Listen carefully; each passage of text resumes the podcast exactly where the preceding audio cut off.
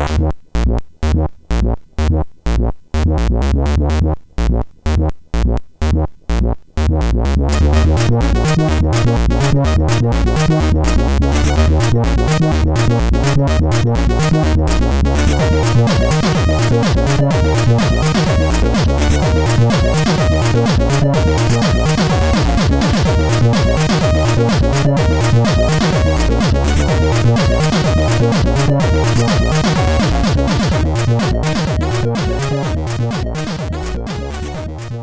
Sziasztok, ez itt a Checkpoint 7. évadának 11. adása.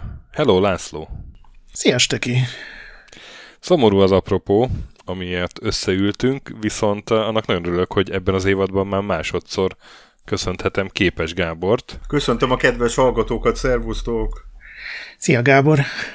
Azt uh, ugyan kivágtam a Daubis adásból, de éppen amikor a Daubival készítettük az előző adást, adás közben jött meg a push notification a telefonomra, hogy meghalt Sir Clive Sinclair.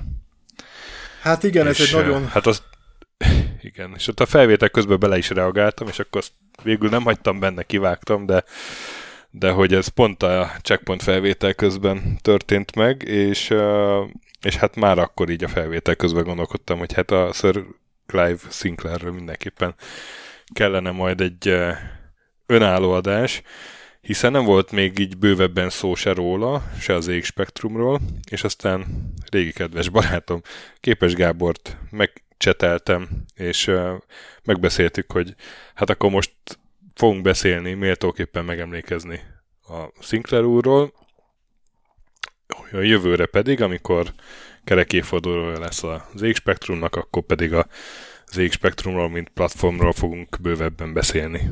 Egy teljes adást. Igen, tehát az az igazság, hogy ez a halálhír, ez azt hiszem, hogy, hogy tehát az is emlékezetes, amikor az ember megkapta. Rám a Straub Ádám barátom, a újságíró barátom írt rám, hogy, hogy olvastam-e, ugye a Guardianben jelent meg, hogyha jól emlékszem a, a halálhír, és hát tényleg, tényleg, ez tényleg egy nagyon szomorú apropó, mert nekem a, a Clive Sinclair egyfajta ilyen personal hero, egy ilyen személyes hősöm, de hát ezzel nyilván nagyon sokan így vagyunk a, a, a mostani 40-es korosztályból, és nekem régi vágyam volt a Clive Sinclairről beszélni, csak nem egy halálhír apropóján, hanem az lett volna stílszerű, hogy a 128. születésnapján, de, de hát ha ez nem következett be, azért az is érdekes, hogy 81 évesen halt meg abban az évben, amikor a ZX81-nek a 40 éves jubileumára emlékeztünk, arról, arról azért egy-két cikk meg megemlékezés készült. Igen, én most a adásra készülve elolvastam több nekrológot is. A guardian például egész korrekt jelent meg, a magyar sajtóban pedig a Kubiton olvastam többek között, meg hát nyilván a te tolladból is. És hát voltak ott azért ilyen, mm, tudod, amikor az újságíró nagyot akar mondani már a címben, és hogy Nagy-Britannia Steve jobs lehetett volna, csak túl zseniális volt hozzá, kb. ez volt a mondani valója az egyik címnek. 83-ban jött ki egy The Sun címlap azzal, hogy Leonardo da Vinci óta a legnagyobb zseniális feltaláló, úgyhogy azt szerintem azért nehéz felülmúlni. Igen, pont, Igen. pont ezt akartam mondani, tehát ő alapvetően egy, egy megosztó egyéniség volt, tehát tényleg a, a visszaemlékezések, nekrológok, azokhoz írt különböző hozzászólások egy része, az valóban ez a, ez a Leonardo da Vinci magaslatban emlegeti. A britek részéről nyilván egy nagy adag nemzeti büszkeséggel, de nem csak az ő részükről. Én olvastam olyat, egyik, ez nem egy hivatalos nekrológ volt, hanem egy informatikával foglalkozó barátomnak volt a megjegyzése. Ő azt mondta, hogy hát tűz, az volt a, a Clive Sinclair előtt is, de ő jött rá, hogy hogyan kell meggyújtani nyilván itt a tűzgyújtást az emberiség történetében a számítógéphez hasonlítva, és, és ezzel utalta arra, hogy, hogy hát ő tette, vagy az ő, ő, ő munkássága az nagyban hozzájárult ahhoz, hogy egy használható, tömegek által használható dologgá váljon az informatika. Tehát ez az egyik hang, amit hall az ember. A, a másik, másik, akik őt egy picit ilyen élhetetlen, vagy ilyen, ilyen kicsit őrült figurának tartották, illetve hát ez a Commodore Sinclair vitának még, még máig megvannak a, az utózöngéi, tehát amikor ez a, a halálhír kikerült a, a Facebookra, akkor, akkor azért egy-két nem méltó kommentárt is olvastam. Idézőjelben a kedvencem az az, az volt, aki, aki összesen annyit szólt hozzá, az ZX81-re utalva, hogy hát ez csak egy játék volt és ez, ez olyan többszörösen szíven talált, mert egyrészt benne van ez a nagygépes gőg, ami, ami azért így 40 év után egy kicsit megdöbbentő, hogy még mindig, mindig, mindig egy létező szemléletmód. Másrészt pedig roppant ironikus, mert a Clive Sinclair nagyon nem kedvelte, hogyha ha, ha játékként tekintenek a gépeire. Ő alapvetően tanulás céljára, meg, meg különböző alkalmazások számára fejlesztett számítógépeket, úgyhogy ironikus, hogy még a halálhíre kapcsán is, hát ez csak egy játék volt, ennyit kommenteltek. Gondolom, hogy Rubik Ernő kapcsán ő is éljen 128 évig, majd, majd nem ezt fogják mondani, hogy csak egy játék volt, pedig az tényleg egy játék volt. De, csak egy kocka volt. De zseniális, így van. Én ma nagyon sokat olvastam, ma, ma legalább öt órát ilyen Clive Sinclair, főleg ő nagyon kevés interjút adott, ahogy így nézegettem még akkor is, amikor így a csúcson volt, de az ilyen kollégák visszaemlékezései szerint tényleg van ebben valami, hogy ő ha nem is utálta, hogy a Spectrum játékgépként lett sikeres, de volt benne egy ilyen erős brit sznopság, hogy azért ez nem méltó egy, egy igazán tekintélyes vállalathoz és aztán ugye azért találta ki a QL-t is, meg egy csomó mást, hogy jó, most ez véletlenül sikeres lett, de azért tök jó lett volna, hogyha valami másik komolyabb projektem lesz sikeres.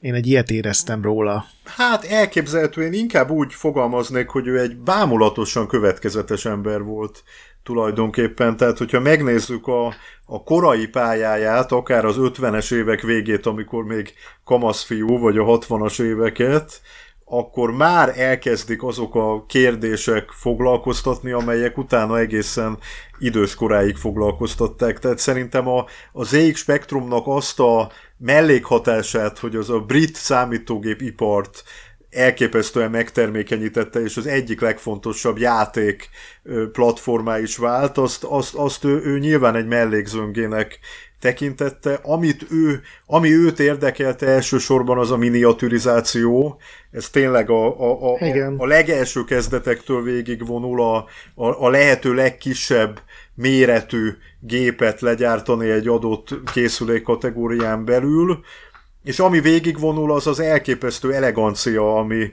ami, ami körbelengi a, a találmányait, annak ellenére, hogy ő, ő nem drága eszközöket gyártott, tehát egy ilyen dialektikus egység van abban, hogy ő viszonylag olcsó ilyen új kategóriákat teremtő, vagy, vagy új, új felhasználói igényeket indukáló tárgyakat akart tervezni, de ugyanakkor egy nagyon dizájnérzékeny személyiség volt, aki, aki pontosan tudta, hogy, hogy egy, egy termék az, az akkor, akkor eladható, hogyha, hogyha nagyon vonzó megjelenésű. Tehát, tehát ez, ezek úgy gondolom, hogy fontosabbak voltak számára. Uh-huh. És hát a, majd kicsit a személyiségét is érintsük, mert nekem az volt valamennyire újdonsága, hogy így olvasgattam én is ezeket a cikkeket, hogy a, ezek a régi sztorik, amikor így felelevenítik róla, hogy hogyan vett fel engem a céghez Clive Sinker és hasonlók, hát ő azért egy ilyen szórakoztató módon volt kicsit ilyen őrült professzor valóban. És uh, meg volt benne az a extremitás, ami még jó néhány honfitársában ilyen Monty Python tagoktól kezdve, nem tudom, a Freddie Mercury-t mondhatnám. Igen, hát hogy, nem ő... tudom, mennyire kedvelitek a Microman című filmet. Én csak Én ma tudtam meg, hogy van ilyen. Nem láttátok, ez 2009-ben mutatták be, ez egy BBC film, ami tulajdonképpen a, a Sinclairnek és a, az Acornnak, tehát a Chris Currynek és a, a Clive Sinclairnek a, a párharcáról szól. Hát én nem tudom eldönteni, hogy haragudjak arra a filmre, vagy zseniálisnak tartsam, mert a, a filmnek a befejezése, az a, most a napokban újra néztem, az, az, az tényleg olyan, hogy, hogy, hogy minden alkalommal útbőrözést kapok tőle. Most nem tudom, hogy mennyire spoilerezzem el ennek a filmnek a, a végét, de, de, de van egy jelenet, ahol, ahol ő egy ilyen magányos, makacs figurának tűnik föl, és hát azok a nagy, alapvetően amerikai világcégek, amik azért a személyi számítástechnika történetét mégiscsak meghatározzák, azok úgy szó szerint elsüvítenek mellette, és, és ebben van valami nagyon, nagyon megható és emberi és szomorú és szeretetreméltó, tehát ilyen szempontból zseniális film, ugyanakkor eléggé méltatlanul bánik vele, már csak azért is, mert, mert az a színész, aki őt játsza, azt elmaszkírozták. Ugye a Sinclair, ez a jellegzetes, kopaszodó, szakállas ö, ö, figura, ezt, ezt úgy tudta alakítani, hogy, hogy, hogy hát gyakorlatilag egy ilyen maszkszerű, vagy nem is tudom, ilyen paróka, smink, tehát egy ilyen nagyon, nagyon mesterkélt kinézetet mm-hmm. adtak neki. Szemben a Chris curry játszó színésszel, akit viszont egy normális, normálisan sminkelt, vagy normálisan kinéző színész alakít, és hát ettől az egésznek van egy ilyen zomboid, vagy hogy mondjam, egy ilyen nagyon darabos jellege, ilyen önparódiaként, tehát ha már a Monty Python-t emlegetted, akkor ezért a pénzért a John Cleese-t is megkérettek volna, hogy, hogy ő legyen Clive Sinclair, és hát azt, hogy ő legalábbis a film szerint eléggé hirtelen haragú ember volt, de, de lehet, hogy egy-két visszaemlékezés is ezt igazolja, ezt, ezt is nagyon, nagyon túlkarikírozták a, a filmben. Hát tény, hogy egy, egy nagyon színes egyéniség volt, hát azok is utalnak a, az ő, ő színes egyéniségére, hogy egyrészt a Mensa Britannikának volt a, az egyik vezetője évtizedeken keresztül, tehát a legmagasabb IQ-jú brit állampolgárok társaságának, hát ez, ez nyilván, tehát a sznobériáról beszélünk, akkor én azt nem feltétlenül egy ilyen arisztokratikus gőgnek tulajdonítanám, inkább egy intellektuális sznobizmusnak. Mm. Másrészt meg hát egy bohém ember is volt, tehát a, a, a különböző nőügyeiről, mindenféle ilyen, ilyen bárokban, meg, meg mulatokban való föltűnéséről is azért, azért mindig, mindig voltak sajtóplegykák egész idős korában is.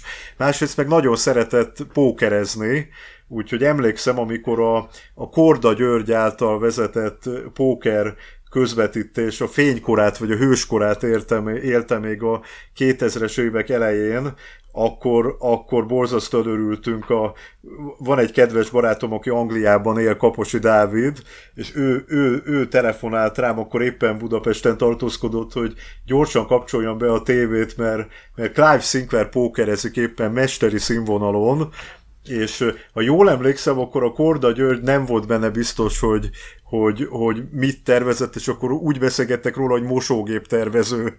De ez már lehet, hogy, hogy, hogy kiszínezi az emlékezetem, de minden esetre azt tudták róla, hogy ő egy, egy feltaláló volt. És hát az is egy kettősség, egy dialektika, hogy ő egyrészt feltaláló volt, és ezt nem lehet letagadni, hogy egy, egy látomásos ember volt, akinek, akinek volt egy markáns elképzelése arról, hogy milyen egy jó termék, Másrészt pedig egy üzletember volt, aki azért hozott kemény kompromisszumokat annak érdekében, hogy, hogy profitra tegyen szert. Na, hát akkor kezdjük el a ennyi előzetes után az életutat ott, hogy megszületik, ugye 1940-ben. Richmondban, ami ilyen London külkerület, vagy Londonhoz nagyon közel van legalábbis. Igen, én úgy tudom, hogy ez Londonnak egy, egy, egy előkelő lakónegyede. Egyébként megmondom őszintén, én ezt írtam is neked, amikor beszéltünk erről, hogy, hogy engem kérsz föl beszélgető társnak, hogy hát ilyen szempontból én zavarban vagyok, mert nem láttam a Clive Sinclairről ilyen regényes biográfiákat, mint amik mondjuk a Steve Jobsról megjelentek. Egyébként én szerintem fognak ilyenek megjelenni nagyon hamarosan, de nagyon mélyen nem ismerem az ő ifjúkorát. Azt tudom, hogy egy mérnök családból származott, egy, egy viszonylag jómódú mérnök családból, és hát az nagyon érdekes, azt amikor én megismerkedtem a nevével ilyen 6-7 éves koromban, vagy 8 éves koromban a, a, a 80-as években, azt akkor is tudtam róla, hogy ő egy gyerekzseni volt.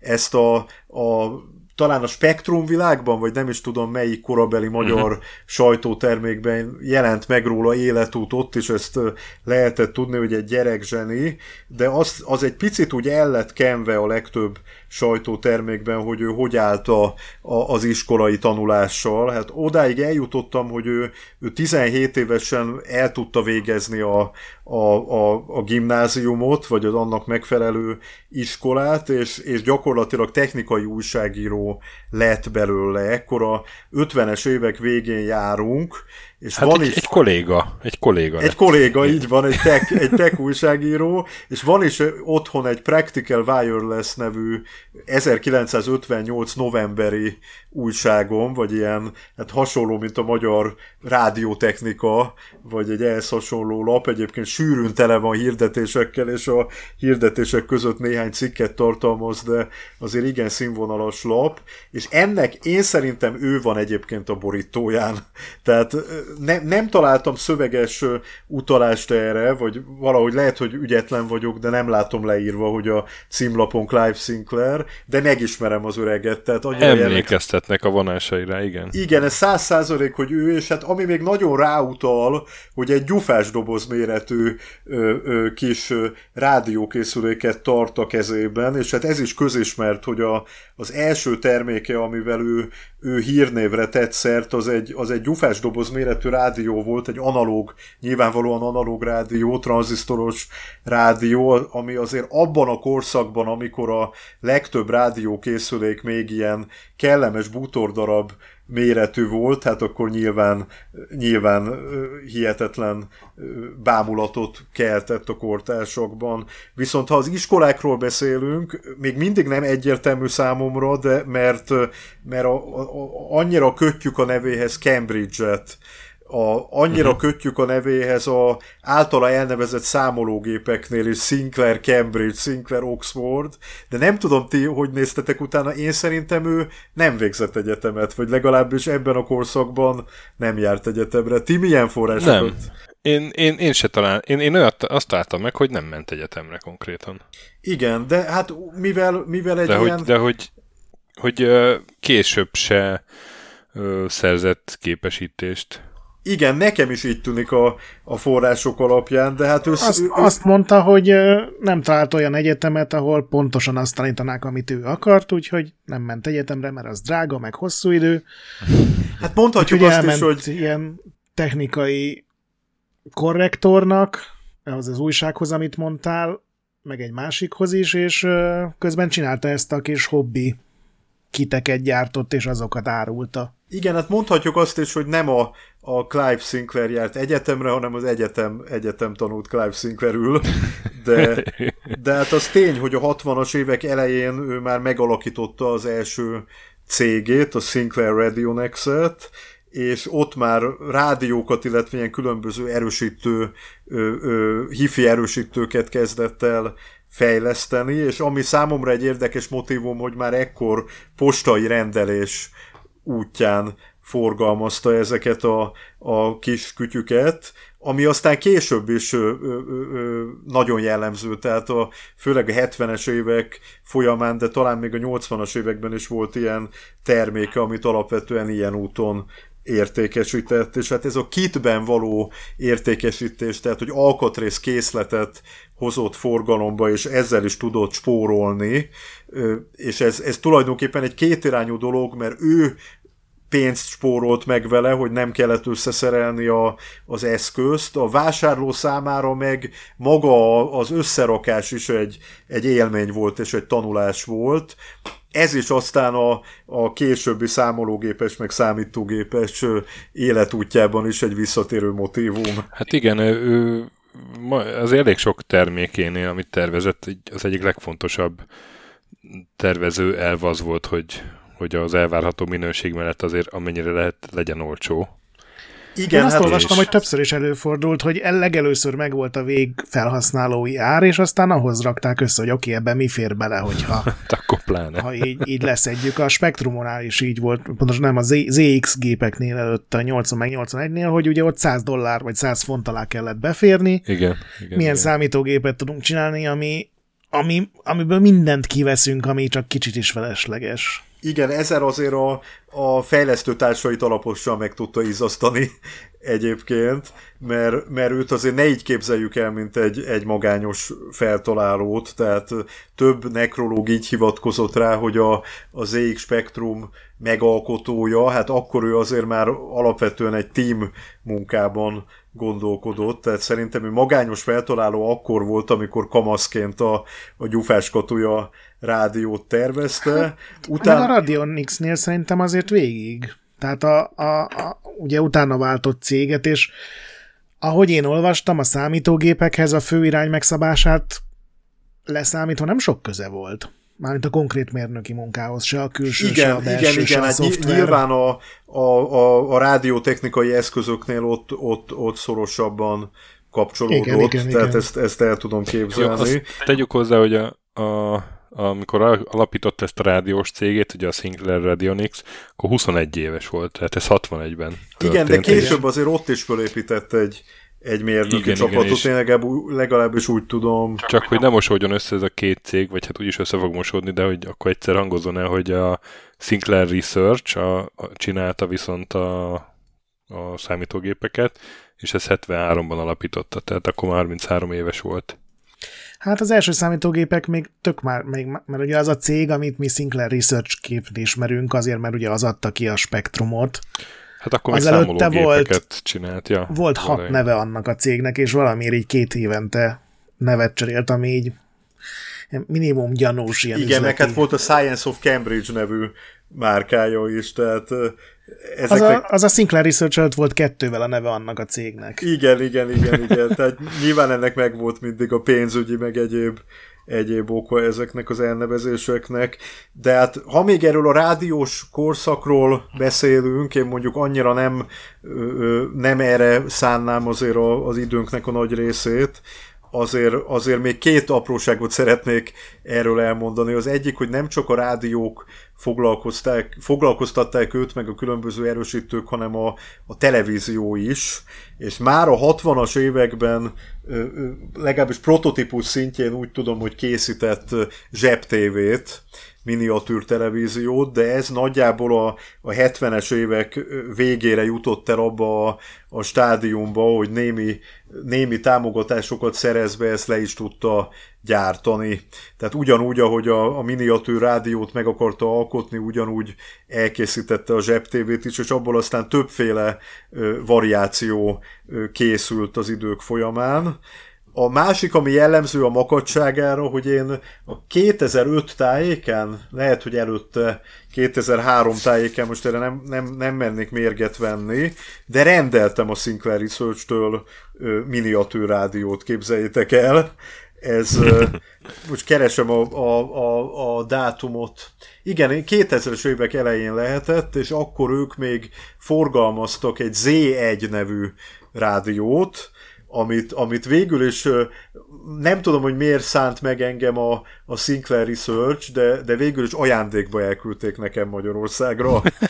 Ez egy körülbelül ilyen új begyméretű rádiókészülék, amiben egy rendes kis picike antennát kell beleilleszteni, az egyik fülbe lehet bedugni magát a rádiót, tehát gyakorlatilag egy mono rádióról van szó, és ennek a picike gombelemmel működő készüléknek az oldalán van a, a potméter, amivel a, a, az EM módon a, a, az adást meg tudod keresni, és hát ez életem legklerikálisabb, vagy legvallásosabb időszaka egyébként ez az E1 korszakom, mert a magyar rádióadók közül egyedül a katolikus rádiót tudtam rajta behangolni. Úgyhogy ha akartam, ha nem, azt hallgattam rajta. Hát odafön valaki segített a vételben. Igen, igen, könnyen lehetséges. Én ennek a tévének utána néztem jobban egyébként, mert ez teljesen érdekelt, mert azon túl, hogy egy hordozható tévé volt, még lapos képernyősnek is tervezték. Hát az első változatát az években. biztos, hogy nem. Az első változataiban ilyen picike katócsugárcső van benne, egyébként a, a laposnak tűnőben is az van egy ilyen érdekes nagyító tükör megoldással ö, ö, megoldva, de az első változatai azok még, még nem, nem voltak lapos hatásúak. Nem, amit legyártottak, az végül nem, de amit ő 66-ban tervezett, amit ből még azt hiszem prototípus sem készült, mert még az is nagyon drága lett volna. Az, az már azzal tervezte, és szerintem valahonnan innentől lehet, vagy még korábbtól, hogy azontól, amit mondta, hogy miniaturizáció, az tényleg minden téren jellemző volt, de hogy ez a hordozhatóság is így végigkövette, ami nyilván a miniaturizációnak a párja. Igen, abszolút teljes mértékben. És aztán később, amikor majd lehet, hogy említed, meg lehet, hogy volt a kezeden ez a Blackwatch nevű digitális uh-huh. óra, ami ott szinte csődbe vitte ezt a céget.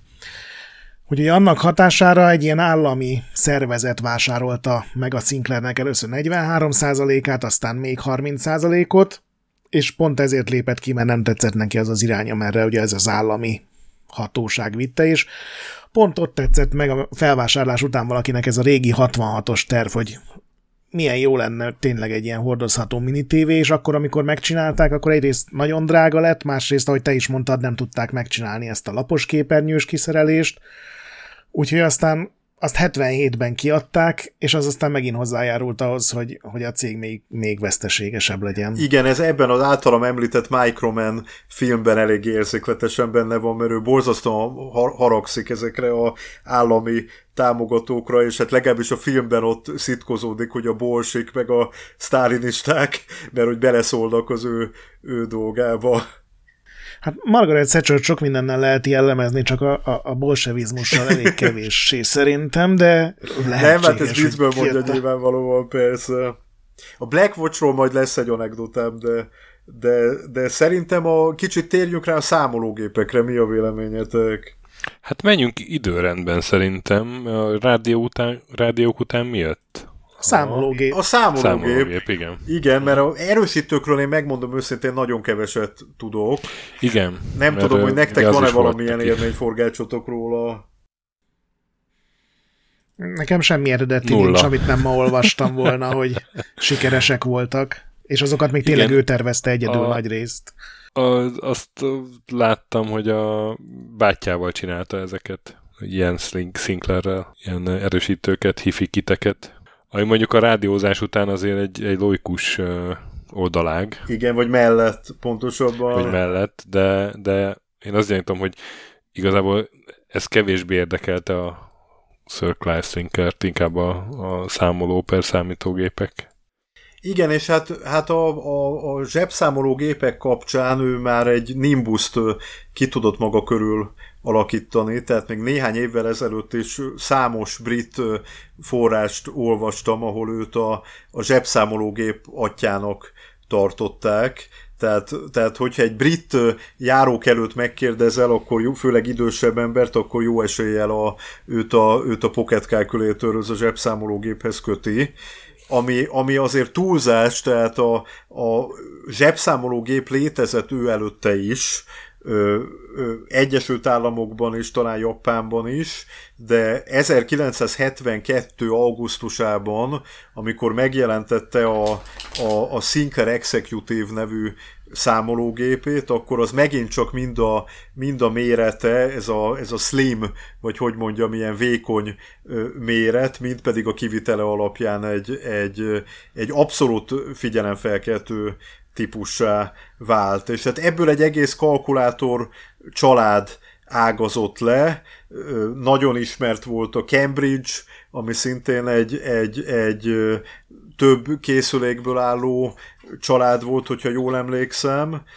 Ennek is volt kit változata, tehát ilyen alkatrészkészletként árult változata, és 1977-ben jelentetett meg programozható zsebszámológépet is, ami, amiből nekem van egy példányom egyébként, és, és hát ez tényleg egy egész, egész különleges kis jószág, mert a, még a kornak a, a zsebszámológépeihez hasonlítva is egy egészen picike, vékony kis szerkentyű, Egyedül azt teszi egy picit Bumfordivá, hogy 9 voltos elemmel működik, és az a kis elemtartó az egy picit úgy, úgy kitüremkedik hátul, és olyan nehézkesen lehet be pattintani az egésznek. Van egy ilyen tejfölös doboz hatása, tehát az ember csodálkozik rajta, hogy Istenem, négy és fél évtized után ez a számológép, ez még mindig működik, pedig, pedig olyan nagyon, nagyon törékeny hatása van az egésznek, ami, ami egyébként megint csak jellemző a Sinclair úrnak a,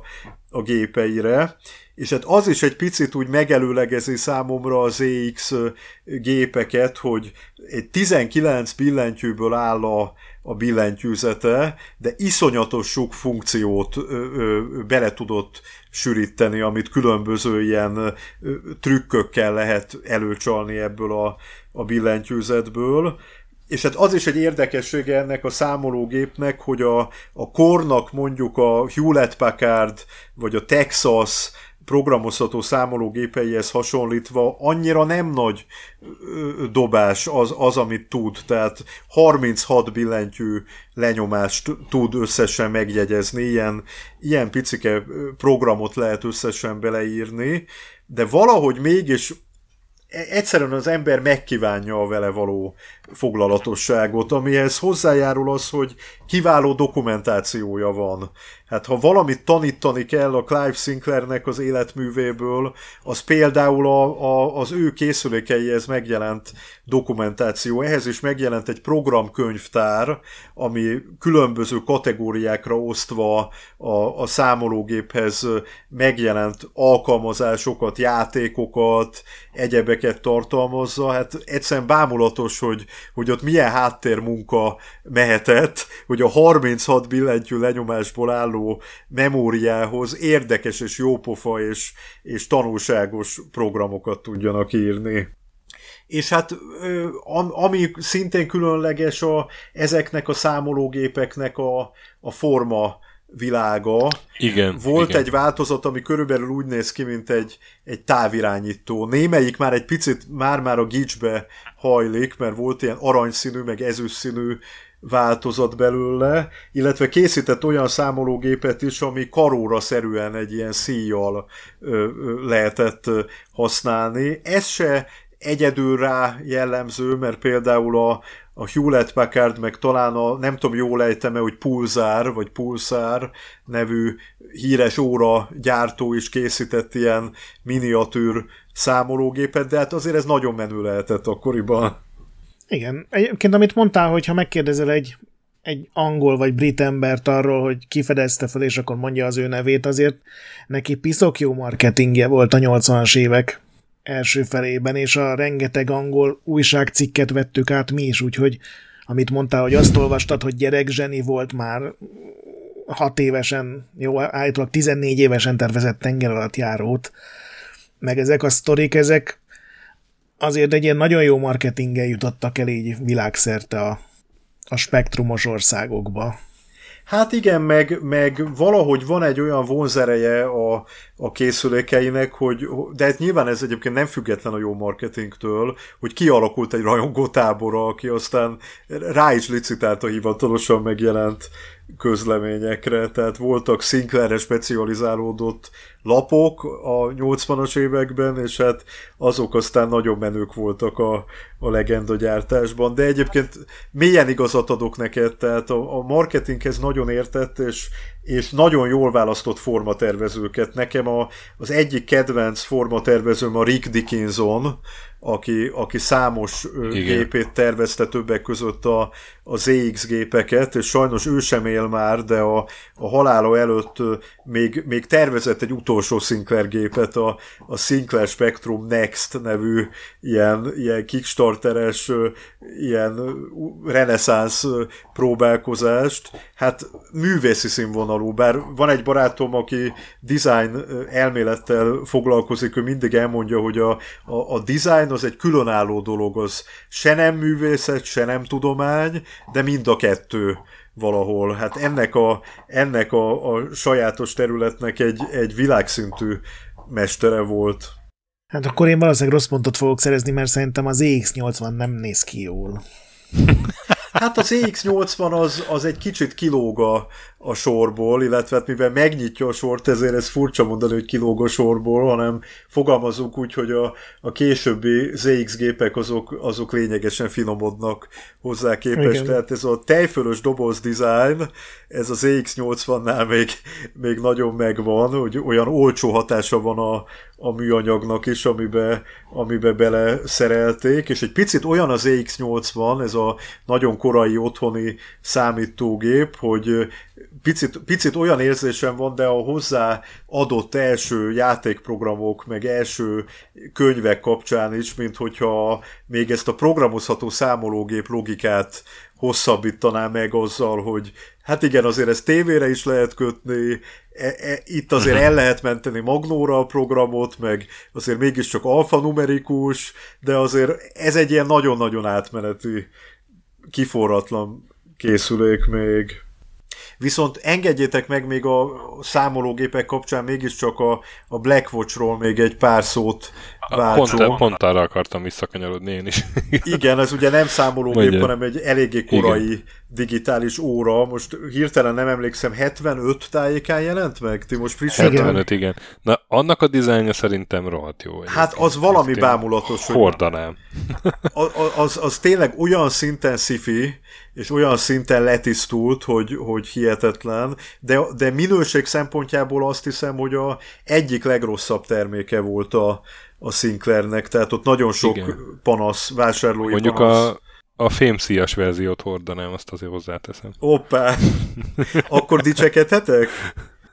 Mert neked olyanod van? Nekem van egy, egy, egy, egy Blackwatchom, egy ilyen, egy ilyen Sinclair órám, és nem kisebb embertől kaptam, mint a Szentpéteri Tibor formatervezőtől, aki a Kisföld alattinak a, a formatervezője tehát ő maga is egy híres designer. Egyébként az ő fia az a Szentpéteri Márton barátom, aki design teóriával, design elmélettel foglalkozik, és hát vele azért a Sinclair univerzumot azt nagyon gyakran szoktuk emlegetni, és hát már megunta, hogy állandóan a Clive Sinclair-t emlegetem, és akkor mondta, hogy hát mit menőző lát az apukámnak, a Tibibának van egy ilyen órája. És ezt a, a Szentpéteri Tibor nekem ajándékozta, hogyha jól emlékszem a történetre, akkor ő már akkor vásárolta ezt a órát, amikor már egy picit nyilván a minőségi problémák miatt már így leszállóákban volt ez a karóra, és valamelyik nyugat-európai, vagy lehet, hogy angol nagyvárosban talán emlékeztek, hogy a korszakban jellegzetes volt, hogy ilyen kosarakban kiraktak leározott termékeket. És hát ez a karóra is így végezte, de, de jelenleg egy ilyen tetszetős búra alatt tartom otthon. Hát most meg már ilyen gyűjtői ritkaság egyébként. Igen. IBM ránéztem, és ilyen súlyos ezer koronákba kerül a norvég IBM. Ezt el ne áruld a Tibor Becsonok, remélem nem fogja meghallgatni a, a műsort. Igen, de én erről olvastam pár ilyen korabeli tesztet, és, és az a legdurvább vitriol. Tehát a, a legfinomabb megállapítás az az volt róla, hogy nem működik. De hogy vagy nem pontosan mutatja az időt.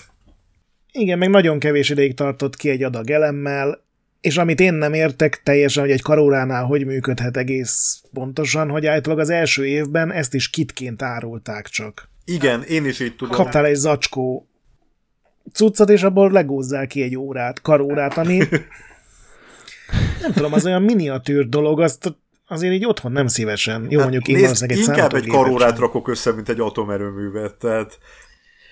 Jó, mindig van, mindig van rosszabb, én ezt nem kétlem. De ez akkor átbukott ez a dolog, hogy, hogy ugye majdnem csődbe, tehát az összes korábbi sikerterméknek elment a profitja erre.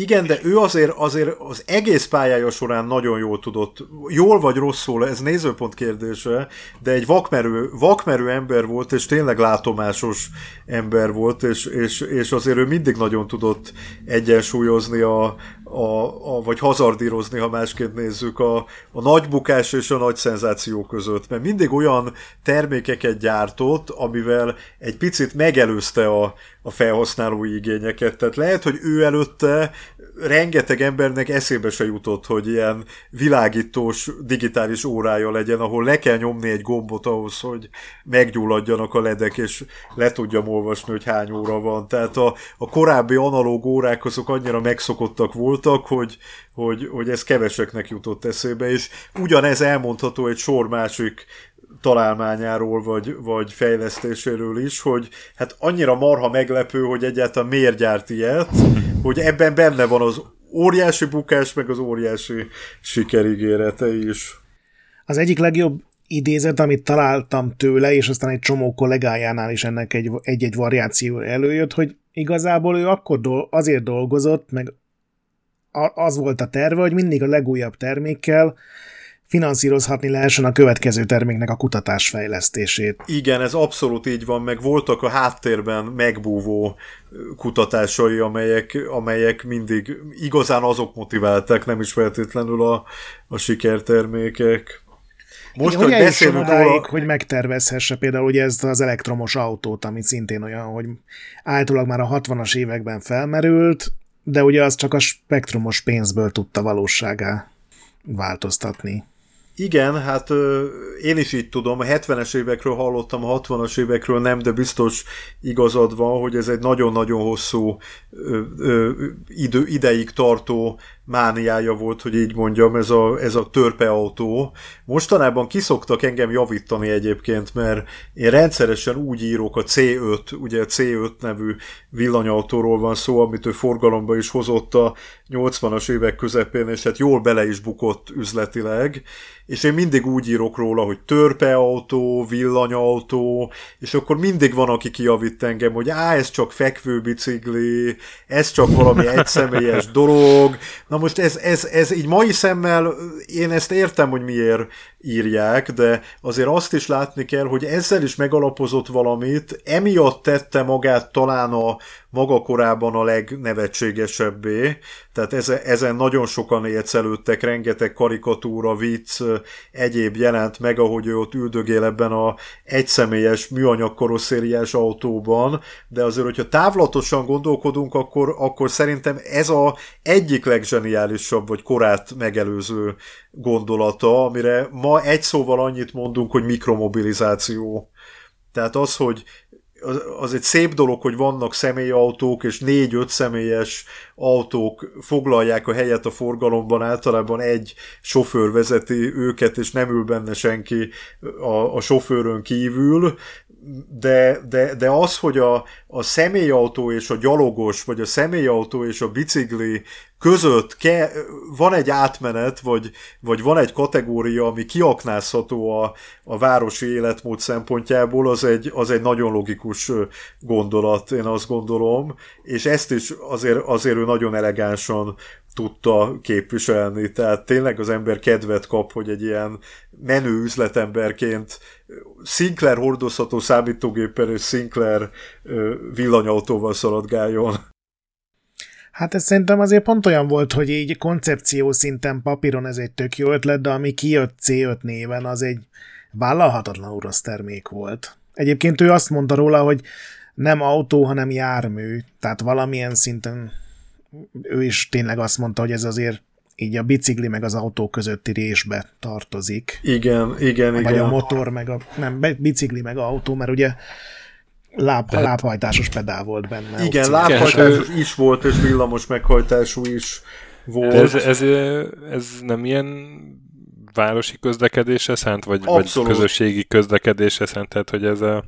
Nem ebbe, közösségi. Ebbe, Városi. Hmm, városi. Ez Tehát, abszolút hogy a városi közlekedés, én azt gondolom. Nem Igen. tudom én ez, hogy mi vállalhatatlan, mi nem, ez egy jó kérdés. Hát nyilván az, amit ő elképzelt, hogy ebből lesz egy teljesen új cég, ebből lesz egy teljesen új mánia a világon, erre épülve aztán lesz egy ilyen teljesen automatizált, teljesen modern közlekedési kultúra. Hát ilyen szempontból ez tényleg akkor sci és hát ehhez képest ami megvalósult, az, az, az valóban egy kicsit szerényebb dolog, de egyébként ennek a megvalósult C5-nek is máig vannak rajongói és életben tartói, és azért eltett 36 év azóta, nagyon sok mindennek vannak az interneten rajongói.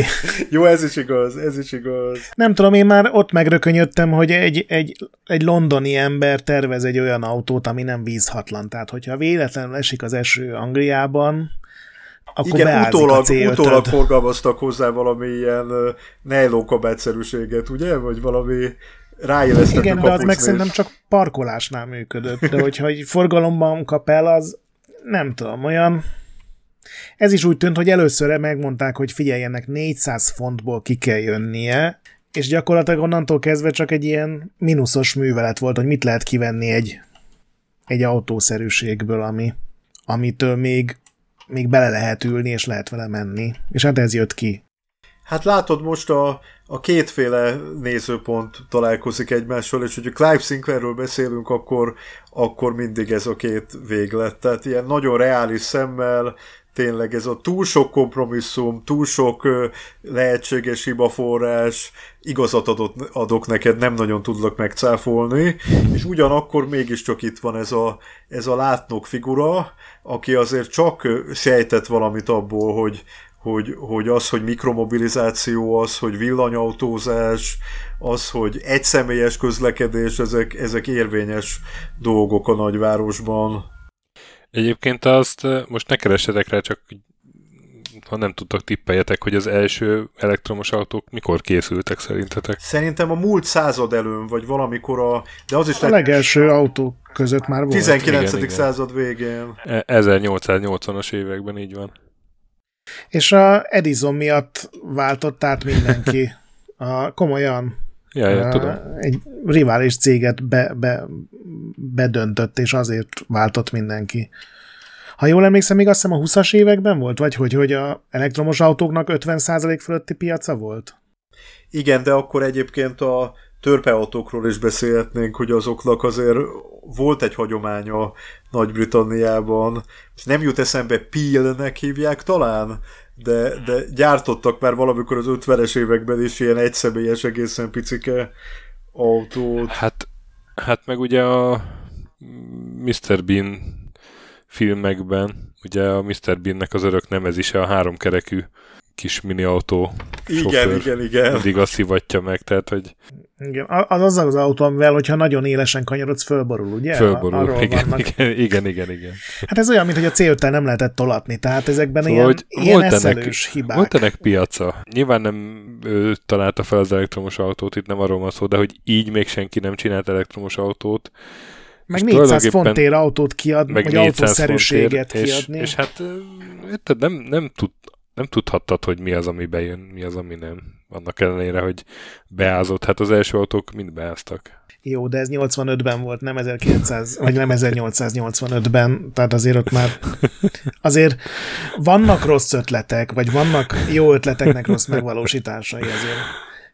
A nem Clive tudom, Sinclairnek nem, sem volt minden. Én, én, nem tudom, én nekem van hogy... egy kedves szomszédom, aki egy, egy olyan 30-40 közötti úr, akit rendszeresen látok egy villamos meghajtású egykerekű járművel szaladgálni a városban, azért, azért ezt se gondoltam volna, hogy ilyen egykerekű szerkentyűk ezek el fognak terjedni, tehát én ezt önmagában nem tartom egy, egy rossz dolognak, hogy ő ezzel kísérletezett. Nem, hát ez biztos, hogy ez nála ilyen mániaszerű volt, mert ez, ahogy én olvastam ezt, ő még a gimnáziumban a nyári munkák alatt mindenféle elektronikai cégeknél volt, és ezt valami Solartron nevű cégnél, amikor nyári munkán volt, akkor egy mérnökkel beszélgetett erről, és felírta a naplójába, és, és onnantól kezdve ez úgy maradt. 20 éven keresztül ez, ez ilyen mániaszerű volt, és gondolom mindig kereste a lehetőséget, hogy jó, eltelt még három év, most már lehet, hogy ki lehet adni olcsón egy ilyesmit. És aztán 85-ben a Spektrum pénzből finanszírozva ez, ez tehát tényleg, ahogy mondtad, ez kiadta. Igen, és, és hát a... egyébként kerékpárokat is megjelentetett már idősebb korában. Igen, igen. A... Tehát abból is készített összecsukható kerékpárt, amilyen 5-6 kg tömegű, ez volt az A-Bike, ez már a 2000-es években volt, meg előtte a 90-es években elektromos bicikliket, tehát általában ez a, a, a közlekedésnek a, a, a miniaturizálása, vagy hogy fogalmazok, ez, ez élete végéig foglalkoztatta. Igen, meg egy új autót is tervezett, csak abból még meg valószínűleg soha nem lesz semmi, valami, nem is tudom, X1, vagy valamilyen... De az is egy ilyen C5-szerű, ilyen kicsit igen, ilyen buborékszerű forma, lehet, hogy valamivel zártabb, de, de, de nekem egy ilyen C5 utánérzésnek tűnt. Hát ugye papíron a C10 meg a C15 is létezett, csak akkor átbukott a, ez az első szériás autó, hogy azokat már nem tudták legyártani, pedig így a az több személyes lett volna? Erre nem emlékszem. Szerintem nem.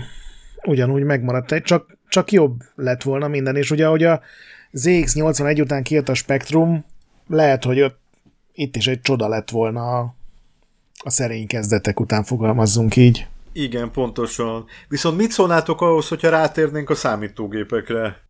Rátérhetünk. Én csak annyit akartam mondani, hogy, hogy én teljesen értem, hogy miért bukott meg ez az autó, de így ránézek, és egyszerűen nem tudok, izé, nem tudok epés lenni, mert, mert annyira tetszik a dizájnja, hogy olyan, mint egy régi James Bond filmben, a, a bunkerben a James Bond, vagy a főgonosznak a sameszai ezzel furikáznának így a egyik támaszpont egyik végétől a másikig. Egyébként erre ilyen, valószínűleg alkalmas lett volna. Egy ilyen, egy ilyen egészen hihetetlen dolog, hogy ez, ez létezett. Nézd, én abszolút el tudom képzelni, hogy mondjuk egy ilyen infopark-szerű, vagy nem tudom, ilyen, ilyen üzleti negyedben a, az egyik nagy felhőkarcolótól a másikig szuper kényelmes vele elmenni. Mondjuk amikor már zél teherautók, meg barkaszok, vagy a, a nyugati megfelelői között kell kacsáznod vele egy ilyen egyszemélyes fekvőbicikli-szerű járművel, akkor már egy picit, picit balesetveszélyesebb a történet, de, de el tudok képzelni egy olyan városi negyedet, ahol viszont marha hasznos egy ilyen jellegű autó. Na, hát akkor most, hogy így mindent átbeszéltünk, ami nem számítógép, térjünk rá akkor a... Az E80-ról már kicsit beszéltünk. ZX80-ról.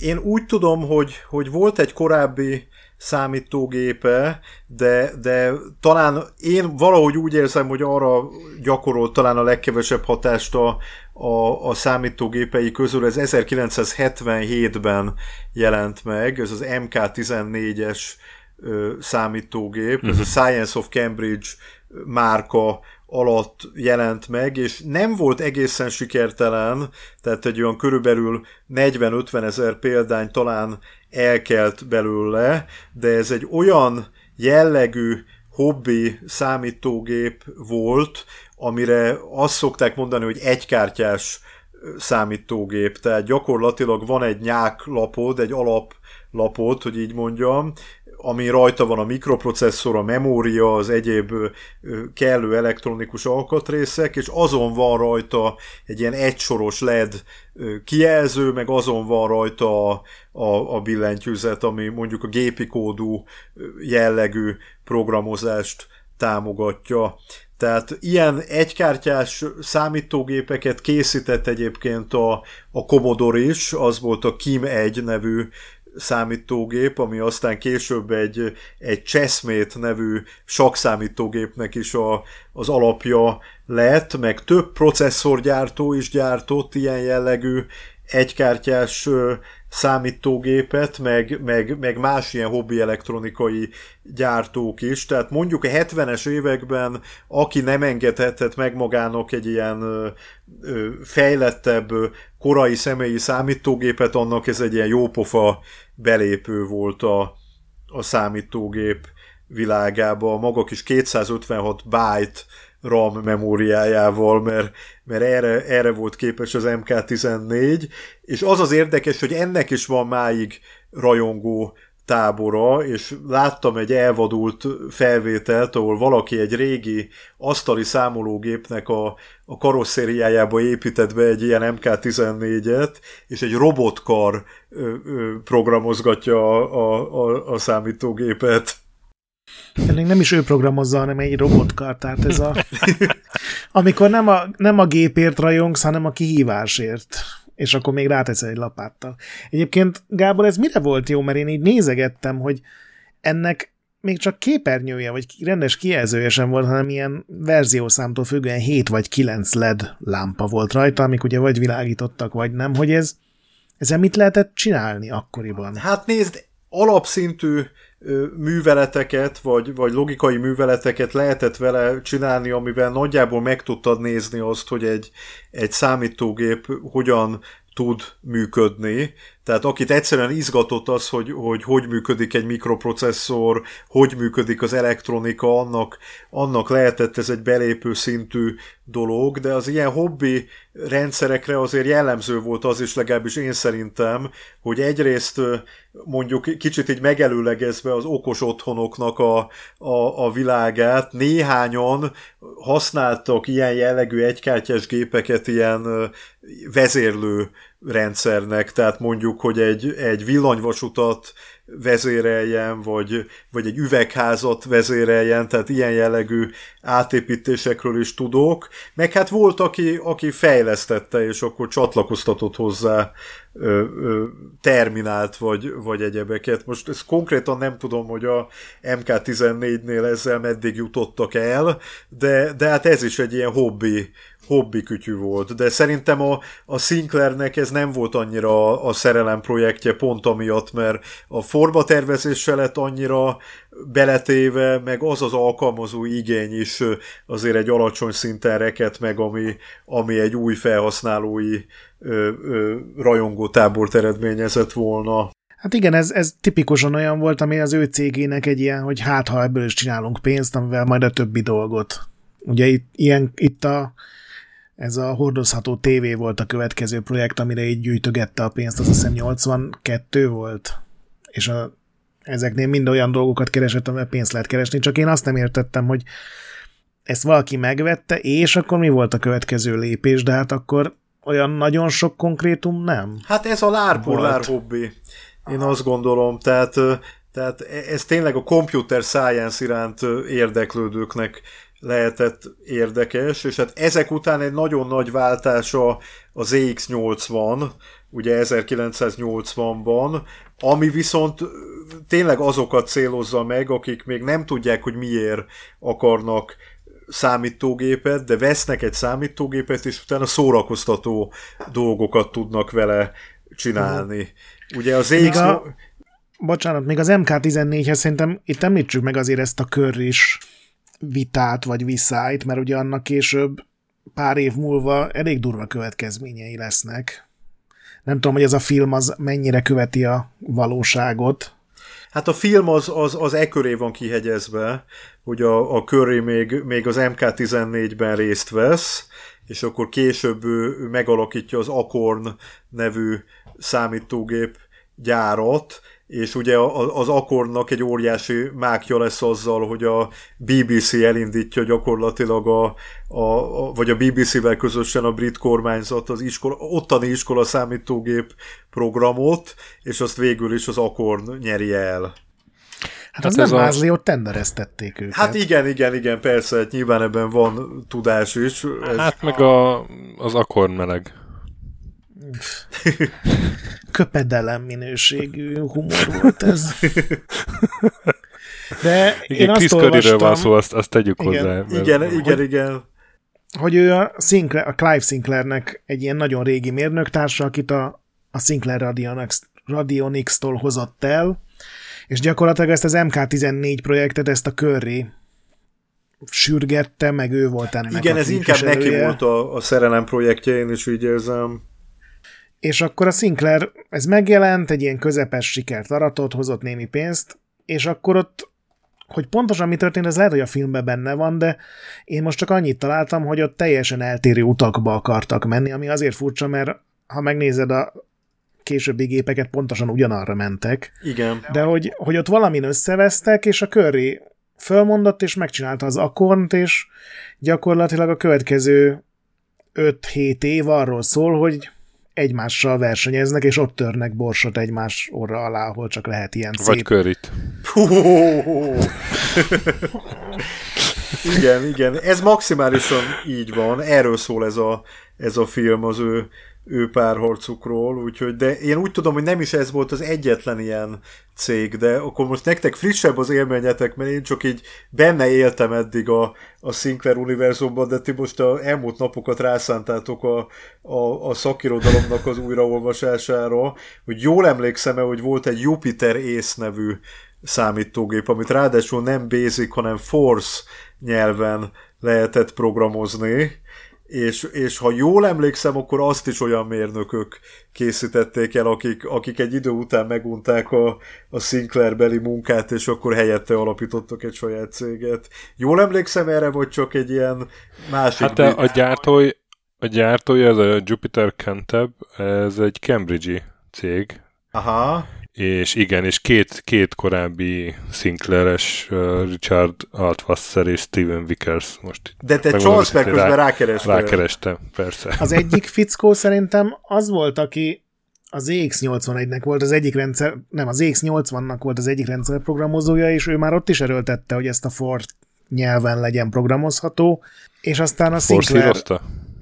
Igen, és aztán a Sinclair erőltette, hogy a, a, a basic könnyebb lesz, hiszen már a nevében is benne van, és szerintem ez ez a fickó, aki utána ezen annyira fölhúzta magát, hogy elment és megcsinálta a saját forcos gépét. Igen, akkor valószínűleg erről a sztoriról van szó, de hát akkor ugorjunk vissza, ugye a, a ZX80 volt a, az első olyan Sinclair ö, számítógép, aminél ez a 100 font alatti ár, mint, mint célkitűzés megjelent, és ugye az ez első az brit a... számítógép. Parancsolsz?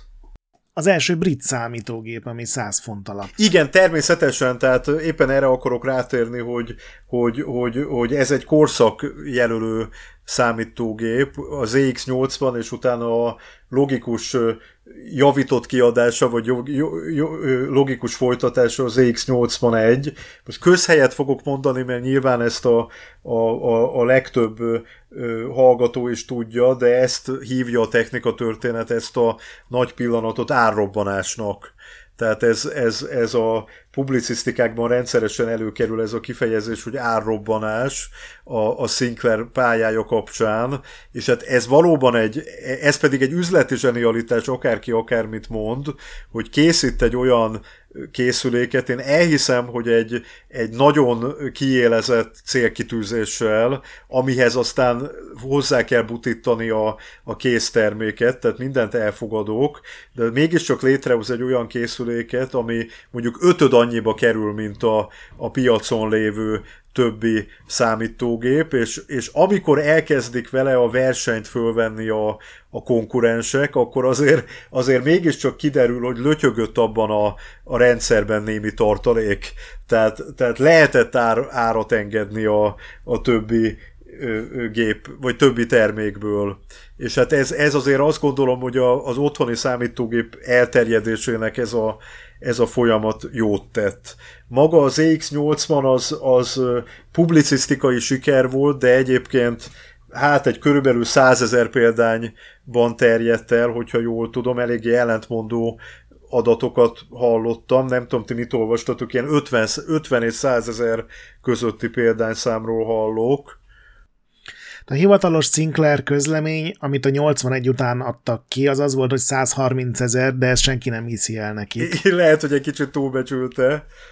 És én azt láttam, hogy ilyen 50 és 70 ezer között vannak az ilyen a legtöbb becslés. De hogy lehet, Igen. hogy 100 ezer is. Tehát, tehát 50 és 100 ki. közé tenném, így van. Ugye egy kilobájt memória, beégetett basic programozási nyelv, abban egy szerintem nem rossz megoldás, és ugye televíziót lehet hozzá használni, és kazettás magnót lehet hozzá használni, ez is közhely, de, de hát akkor is azért a Sinclair kapcsán szerintem fontos megismételni, hogy, hogy a meglévő otthoni elektronikát, vagy a meglévő otthoni infrastruktúrát használta föl. Tehát, hogyha valaki ezt megvette, hazavitte, akkor a már meglévő szórakoztató elektronikával össze tudta dugni, és, és lett egy elképesztő élménye, mert önmagában az, hogy a, a, a televíziót interaktívan tudja használni, és, és befolyásolni tudja, hogy mi jelenik meg a, a képernyőn, az egy, az egy nagy élmény volt. Biztosan, még a, az árképzésre nézve, én, én megnéztem ilyen 80-as magazinokat, tudod, ilyen hirdetések, és mások volt, aki úgy hirdette, hogy a új gépünk 1000 font alatt van, most csak 960. Igen, hát ez egy nagyságrendbeli különbség. Igen, és aztán még jobban utána olvastam, és kiderült, hogy ez, ez egy ilyen, főleg Nagy-Britanniára volt ez az iszonyatosan drága számítógép jellemző, meg gondolom egyébként akkor Európára is, mert bőven le voltunk maradva a japánok meg az amerikaiak után, hogy Igen. az amerikai gépeket, beleértve a Commodore-t, meg az Apple-t, meg az Atari-t, azokat úgy hozták át Angliába, vagy hát Nagy-Britanniába, hogy a dollárjelet azt fontra cserélték. Igen.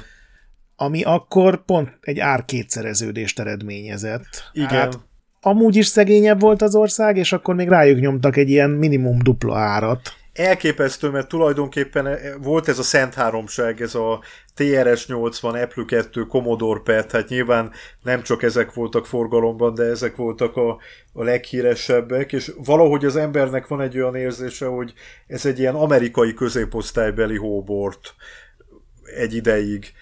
Nyilván azért, azért tömegeket érint, de, de szerintem azért abban egy pionír érdeme van a, a Sinclairnek, hogy ehhez képest a, az otthoni számítógépek elterjednek a világon.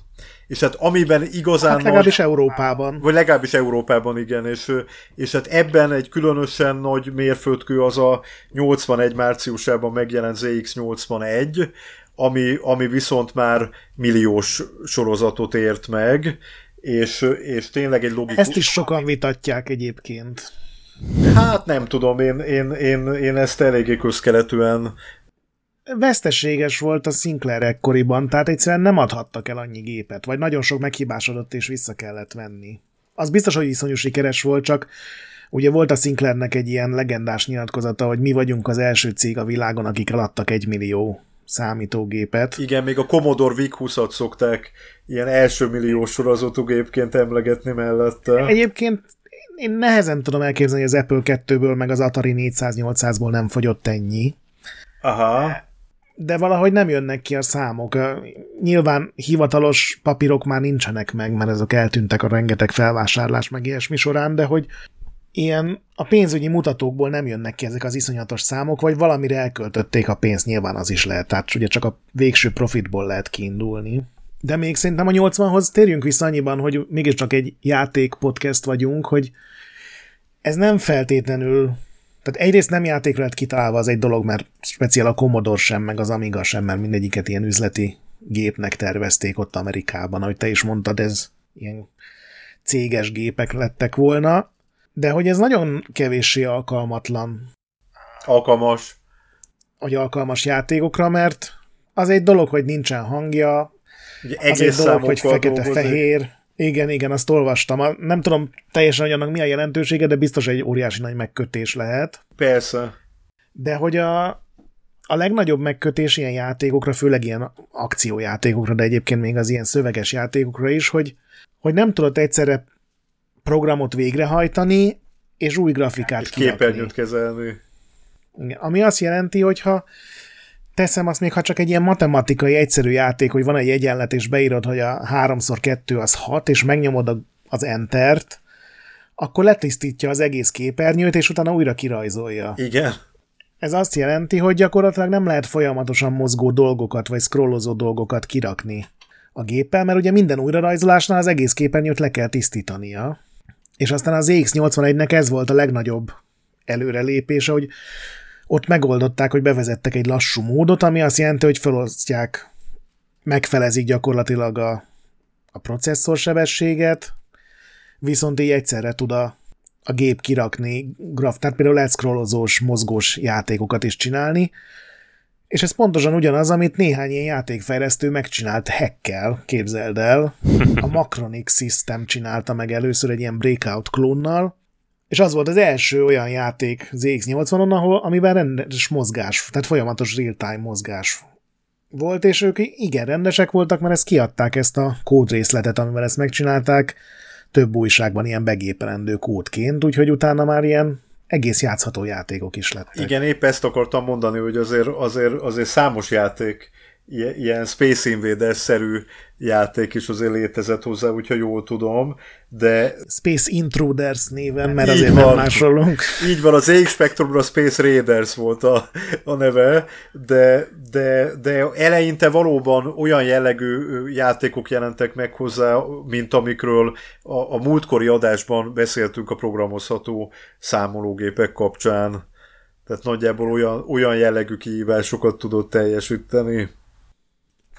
Viszont tényleg beindította a brit ilyen szoftveripar tulajdonképpen. Tehát elindult azok az első újságok, megalakultak az első cégek, például ez a Quicksilva nevű cég, ami azért alakult meg, mert ez a fickó, aki alapította, ez a Nick Lambert, neki túl drága volt a hivatalos memóriabővítő, és ezért összeszerelt otthon egyet, és azt elkezdte árulni, és először ilyen hardware kiegészítőket csinált, aztán ugye a Quicksilva egy rendes játékkiadó lett a spektrumos korszakra. Vagy ott volt ugye az a Microdigital nevű bolt, ami Európának állítólag a legmenőbb, legjobb ilyen számtek üzlete volt, annyira, hogy az egész arab világból, meg Kelet-Európából, és az ilyen gazdag emberek oda mentek repülővel, hogy megnézzék a céget, és például az ő ilyen látogatóik, meg alkalmazottaikból alakult meg az első ilyen profibb brit játékstúdió, ez a Bugbyte. Igen. És a, a harmadik, ami még itt előjött, ez a Lamasoftnak ugye a, ők ilyen nagyon bizarr játékokat csináltak Abszolút mindig valami így van.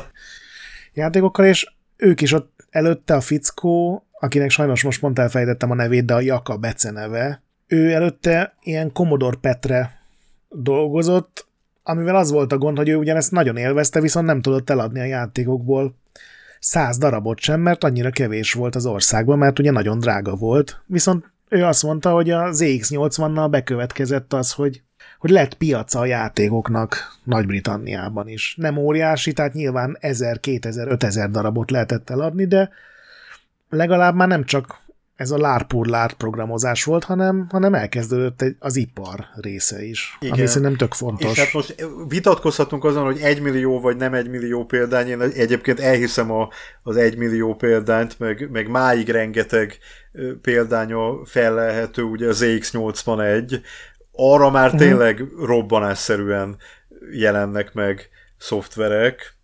Igen, meg a, amikor a, a 81 aranykora van, és megjelenik a spektrum, akkor tényleg évente 10-20 új havi meg heti lap indul, ami már ilyen számítástechnikával foglalkozik, ki a játékokkal, ki a komolyabb részével, ki ilyen oktatási szempontból, ki a szülőknek, de tehát tényleg ez a, a, a Spektrum indította el ezt a egy nagyobb értelemben vett ipart Igen, Nagy-Britanniában. Így van, így van, és, és egy brit büszkeségre is okot adott, tehát nem is véletlen, hogy 83-ban megkapta a, a Sinclair a, a lovagi címet, meg a, meg a Thatcher asszony a japán kollégájának a, az ZX Spectrumot mutogatta, mint kis otthoni számítógép, tehát, tehát itt azért a, a, a brit nemzeti büszkeségnek egy fontos ö, ö, eleme lett a, a Sinclair számítógép.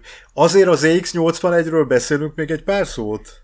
Persze. Igen, én itt be is akartam dobni, hogy ha már játékokról van szó, az ZX81-nek már voltak nem csak klón, hanem ilyen saját jogon klasszikussá váló játékai, a 3D Monster Maze-nek a Tyrannosaurus, az nem tudom hány retro gamer. Igen, az egy abszolút, visszanézett rám. abszolút kultuszfigurává vált. Mondjuk az én kedvencem az EX81-re az az 1 kilobájtos sakk program.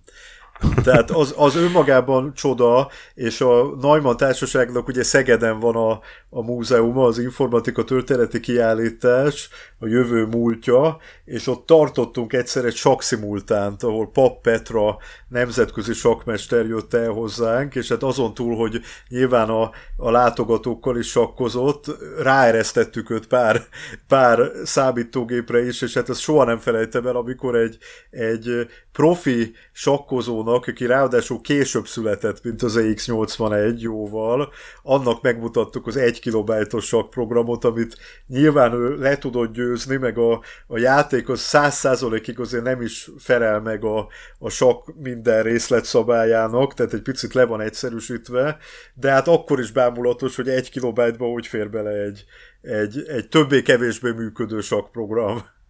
Tehát számomra az ZX81-re megjelent kreativitásnak az egyik fő jele, de hát az is érdekes, hogy az ZX81-nek ilyen kvázi grafikája volt alapvetően, tehát ilyen előre definiált grafikus karakterei voltak. Igen, és igen. Karaktergrafika. Karaktergrafika így van. Na és hát, hogy ebből a karaktergrafikából hozták létre ezt a gyakorlatilag egy ilyen FPS nézetű, ilyen labirintusban mászkálós programot. Igen, tehát hihetetlen, hogy milyen, milyen gazdag ö, ö, vizuális kultúrát tudtak egy ilyen alapvetően nem túlzottan fejlett képernyőkezelésű fekete-fehér gép köré építeni és hát ez is jelent meg rengeteg kiegészítés, ugye hát nyilván RAM bővítők 16 meg 64 kilobájt, és azért az nem elhanyagolandó, mert a 64 kilobájt az akkora a biznisz szintű, vagy, vagy, vagy profi személyi számítógépeknek a,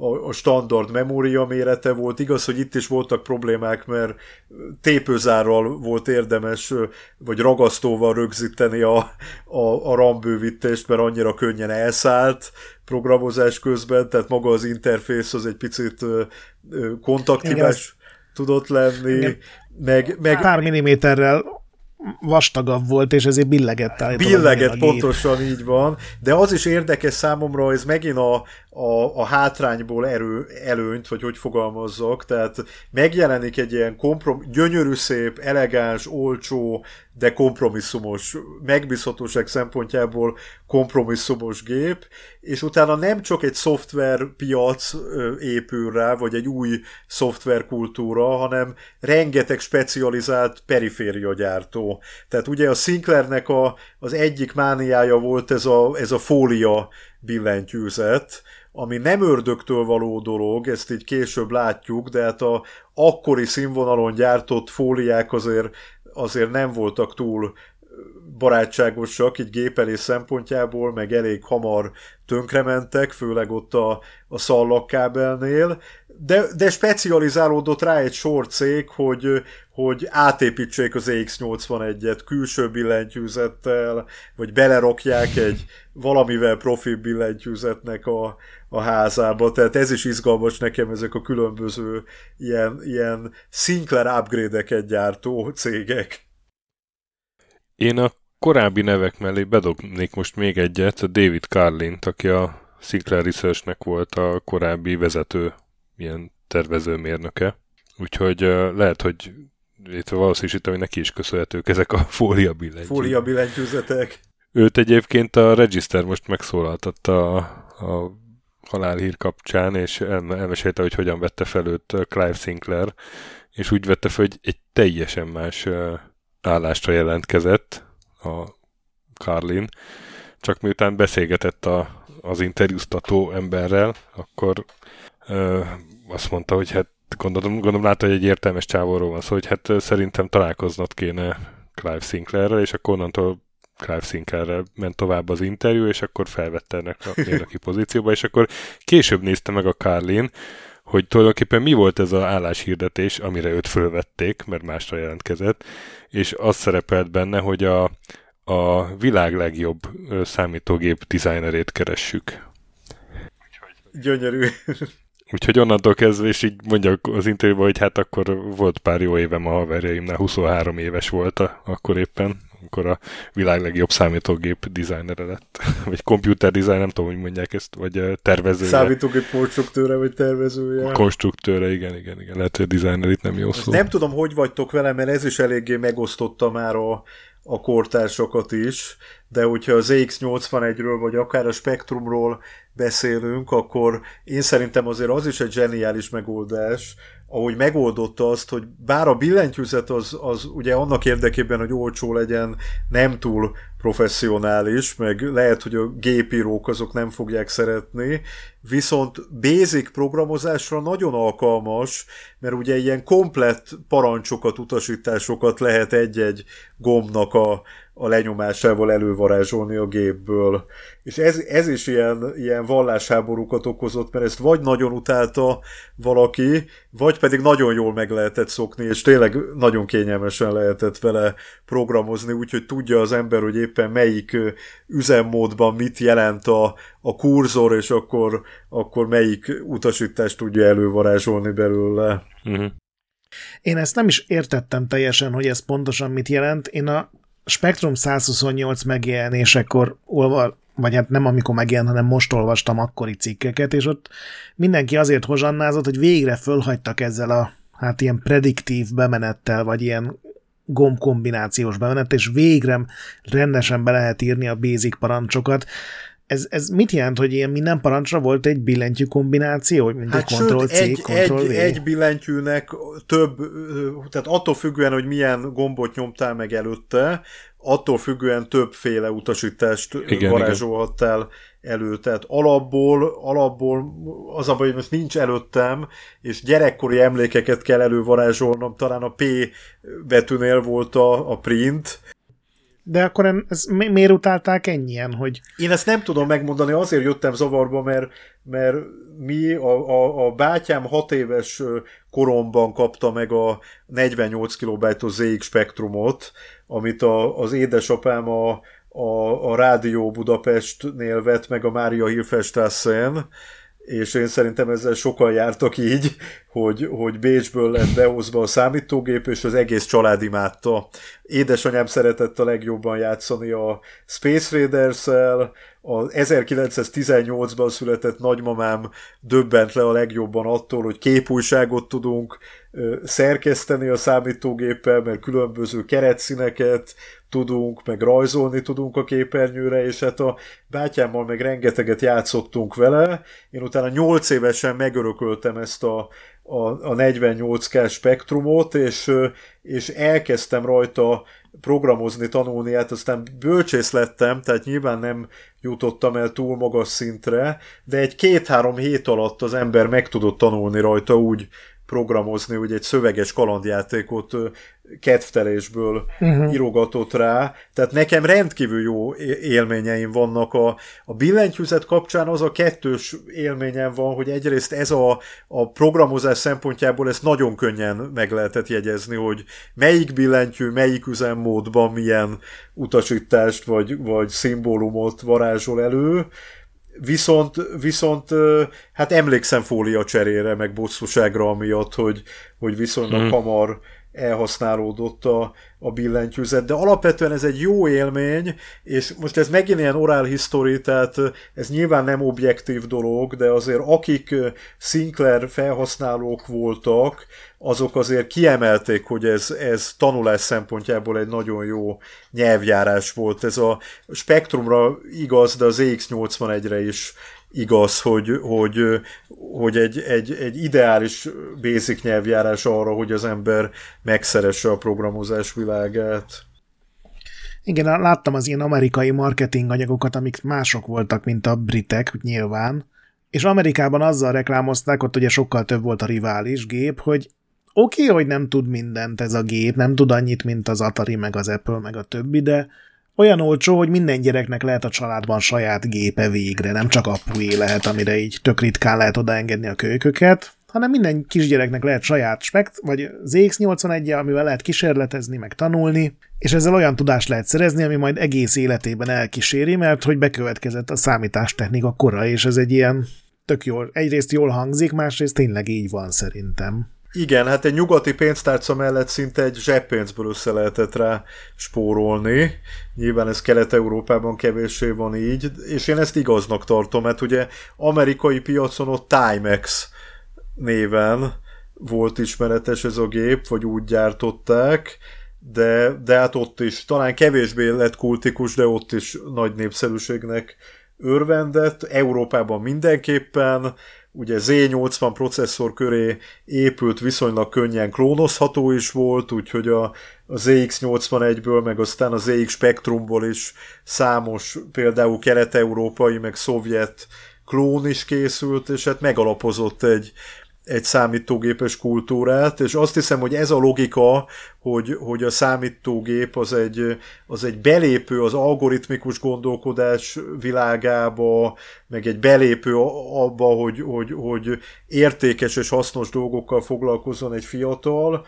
Ez egyrészt nem állt távol a, a brit oktatási rendszertől, tehát ők, ők nagyon hamar elkezdtek számítástechnikát tanítani, és, és nagyon büszkék voltak arra, hogy, hogy, hogy ez jól is megy a, a brit gyerekeknek. Másrészt meg hát több gyártónál ez a motivum megjelenik. Mondjuk Amerikában a, a Commodore az, az kimondottan úgy reklámozta a, a, a VIC-20-ast, ugye az EX81-esnek a kortársát, meg konkurensét, hogy why buy just a video game?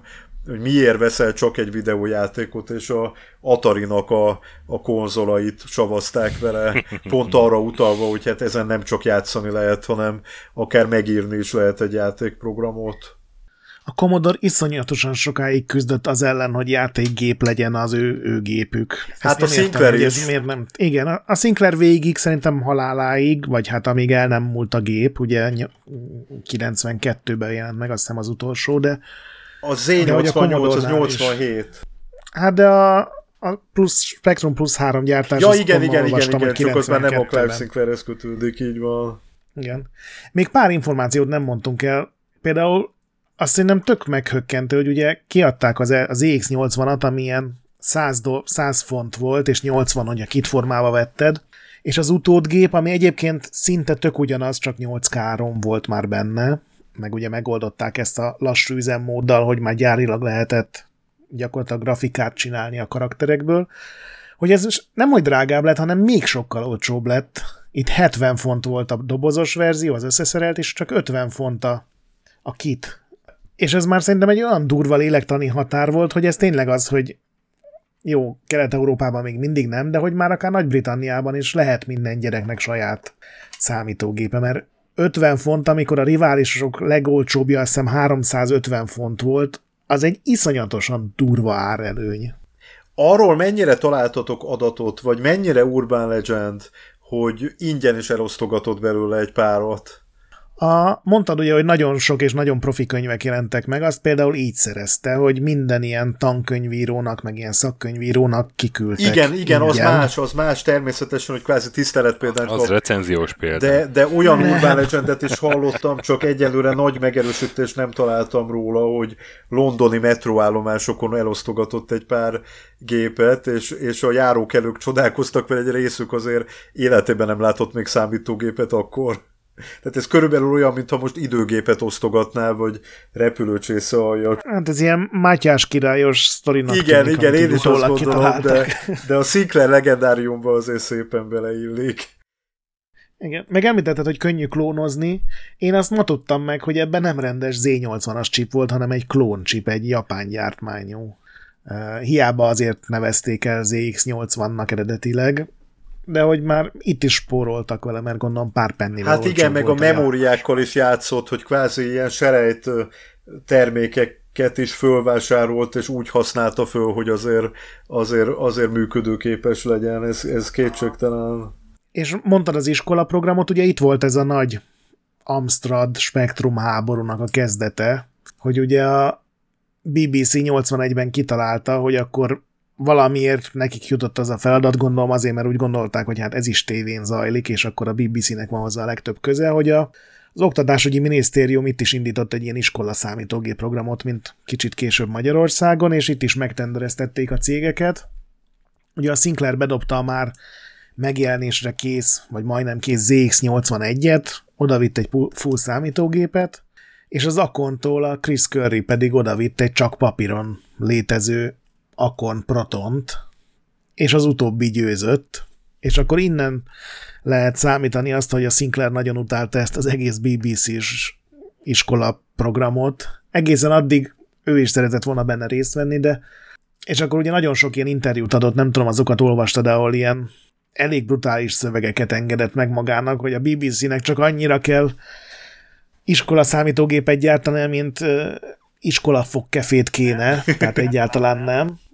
És akkor ezért bosszúból az Oktatási Minisztérium lehagyta a Sinclair gépeket az 50%-os támogatást kapó gépek listájáról, és erre a Sinclair azzal vágott vissza, hogy a lehető legdurvább iskolai ajánlatot rakta össze, tehát 90 fontért adott az iskoláknak ZX81-et, 16-os rambővítőt és nyomtatót, úgy, hogy az Acorn-féle BBC Microból a legolcsóbb az 130 font volt, úgyhogy egy csomó iskolát sikerült így ezzel ilyen szinkleresítenie.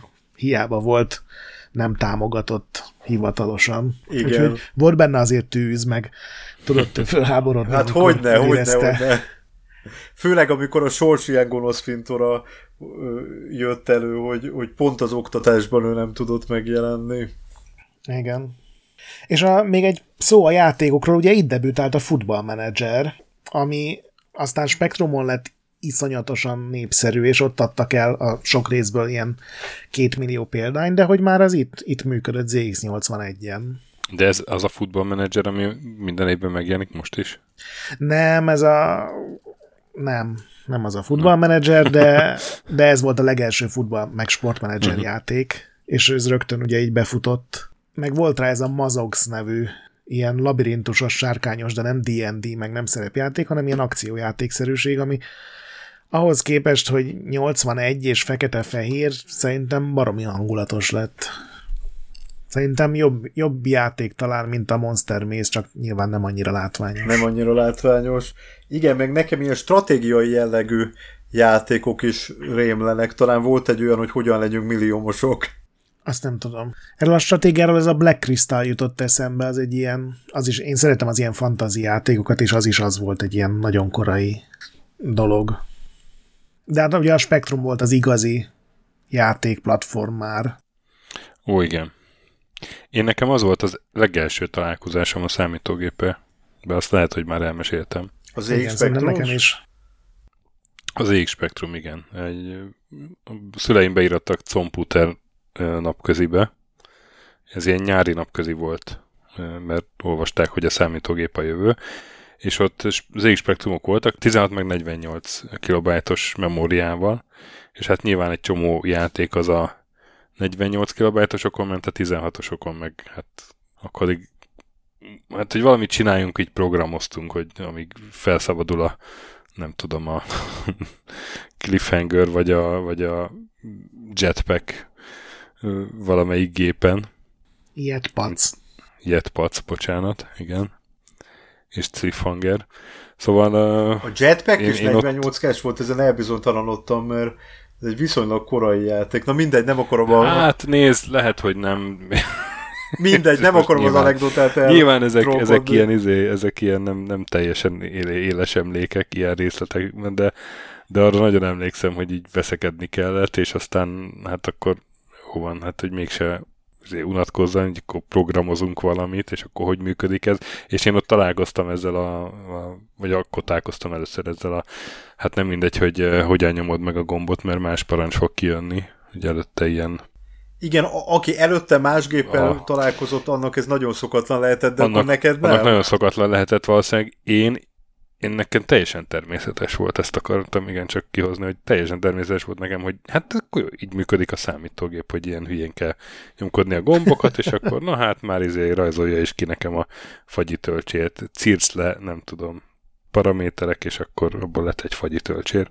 Igen, a grafika szempontjából ez, ez nagyon nagy sikerélményt adott ez a gép, ugye, de mondjuk el, hogy 82-ben jelent meg az EX Spectrum, akkor jövőre uh-huh. megünnepeljük a 40-et? Na figyelj, és ez, ez ünnepeljük abszolút meg, és ez nekem egy óriási sikerélmény volt, ahogy mondod, és mentem haza anyámhoz, hogy annyit tudok programozni. Én tudom képzelni, hogy a kis tök ilyen flagmán oda vágja ezt. Hol a vacsorám? Hol van a programozó vacsorája? De az a, az a legdurvább benne, hogy Nagy-Britanniában volt egy-két kamasz, aki, akinek valóban ez lett utána a kenyere a, a játékprogramozás, tehát, tehát viszonylag sok ember járt így az EX Spectrum bizony, mellett, bizony, hogy persze. kapott egy nagyon korai sikerélményt, és utána valóban sikerült egy, egy jó játékprogramot írni, hát nyilván már nem, nem feltétlenül basicben. Mondjuk a legjobbat azt aztán a, nem a Spectrumon csinálták, meg ugye az Elite, az... Neki a Spectrumra is. Az, hát két Spectrum is, de ugye az, az BBC Micro volt az eredeti. Igen, nekem a Matthew Smith motoszkál állandóan a fejemben, de én sem vagyok benne egészen biztos, hogy a, a, a Spectrumról megjelent játékait azokat azon is írta. Aha. Matthew Smith ez a, az a Manic Miner? Manic Miner. Így van, így van, mert ő szinte egy, egy rockstar-szerű figurává vált, meg egy ilyen nagyon titokzatos személyiségé, de, de azért láttam korabeli fotókat ezekről a programozókról, hogy azért profib gépeken írták egy idő után a, a, a játékokat, csak aztán megoldották, hogy fusson a, a spektrumon. Sokkal könnyebb volt, az már nyilván pár évvel később, de hogy Amigán dolgozni, mert arra már lehetett merev lemezt rakni, és akkor nem kellett ugye a lemezmenedzselésre annyit szívni, úgyhogy a 85-től kezdve majdnem mindenki Amigán vagy Atari estén fejlesztett Hát meg aztán, ténylegesen. amikor, amikor jöttek a compilerek, akkor meg pláne. Igen, igen, igen. Igen, de hát a, a- Spectrumnál ugye nagyon csábító volt ez a 8 szín, meg a 256x192 képpont felbontás, és, és hát valóban nagyon sok grafikus megoldás jelent meg. Most végig az motoszkál bennem, hogy az oldalán a szivárványcsík, az most lehet, hogy komoly politikai vitáknak lenne a tárgya. De, de Azt hát, mondod, hogy A helynekent is engedik. De hát ennek ellenére itt valóban ez, ez egy vonzó tulajdonság volt ez a grafika. Mondjuk, ha jól emlékszem, volt egy ilyen furcsa sprite kezelése ennek a gépnek. Tehát amikor mozgott egy karakter, akkor úgy összemosódott mögötte a háttér. Emlékeztek erre? Az nem a sprite, az a színkezelés Az a színkezelés. igen, igen, igen. igen, igen, igen. Egy 8x8-as blokkban csak két Egy- szín lehetett. Így van. Így van. És ezért, ilyen, ezért voltak egyrészt egy csomó spektrum játék olyan, hogy csak a menü volt színes, de maga a játék fekete-fehér, vagy ugye, hogy minden pálya más színben. Tehát az egy, volt egy kék pálya, aztán a következő ilyen magenta, aztán Igen. sárga. Mert ugye így tudtak csak rendesen szép színeset csinálni. Igen, de hát a, a, az ilyen korai gépeknél, ugye az Atari 2600-nál is az van, hogy a, a, a, a mérhetetlen hardwarebeli hiányosságai azok, azok a programoknál kvázi előnyként vagy különlegességként jelenik meg, és ugyanez a spektrumra is igaz számomra, hogy picit ilyen pszichedelikus, vagy ilyen furcsa lesz a játék attól, hogy, hogy pont ezeket a színeket pont így használja föl. Hát meg az egész angol játékpiac, vagy brit játékpiac ilyen szürreális lett valamitől. A, a Monty Python hatás valószínűleg nem tudom melyik volt előbb, de hogy Igen, meg ha egyébként... belegondolsz, a, a Jet Set Will is egy, egy elképesztően elvont játék, tehát ilyen nonsens ellenfelek, ilyen telefonok repkednek, meg bogyók, meg dinoszaurusz fejek, ilyen Majd, hogy nem van az egésznek logika. egy ilyen társadalomkritika jellege is, vagy ugye akkoriban voltak ilyen nagy bányász sztrájkok például. arra a Monty Mole az ugye az dolgozza fel. Így van, tehát, Igen, tehát igen. a különböző ilyen munkásosztály és, és neoliberalizmus ellentét, meg egyebek, ezek ilyen mesés vagy játékos módon megjelennek, vagy karikaturisztikus módon ezekben a, a játékokban is.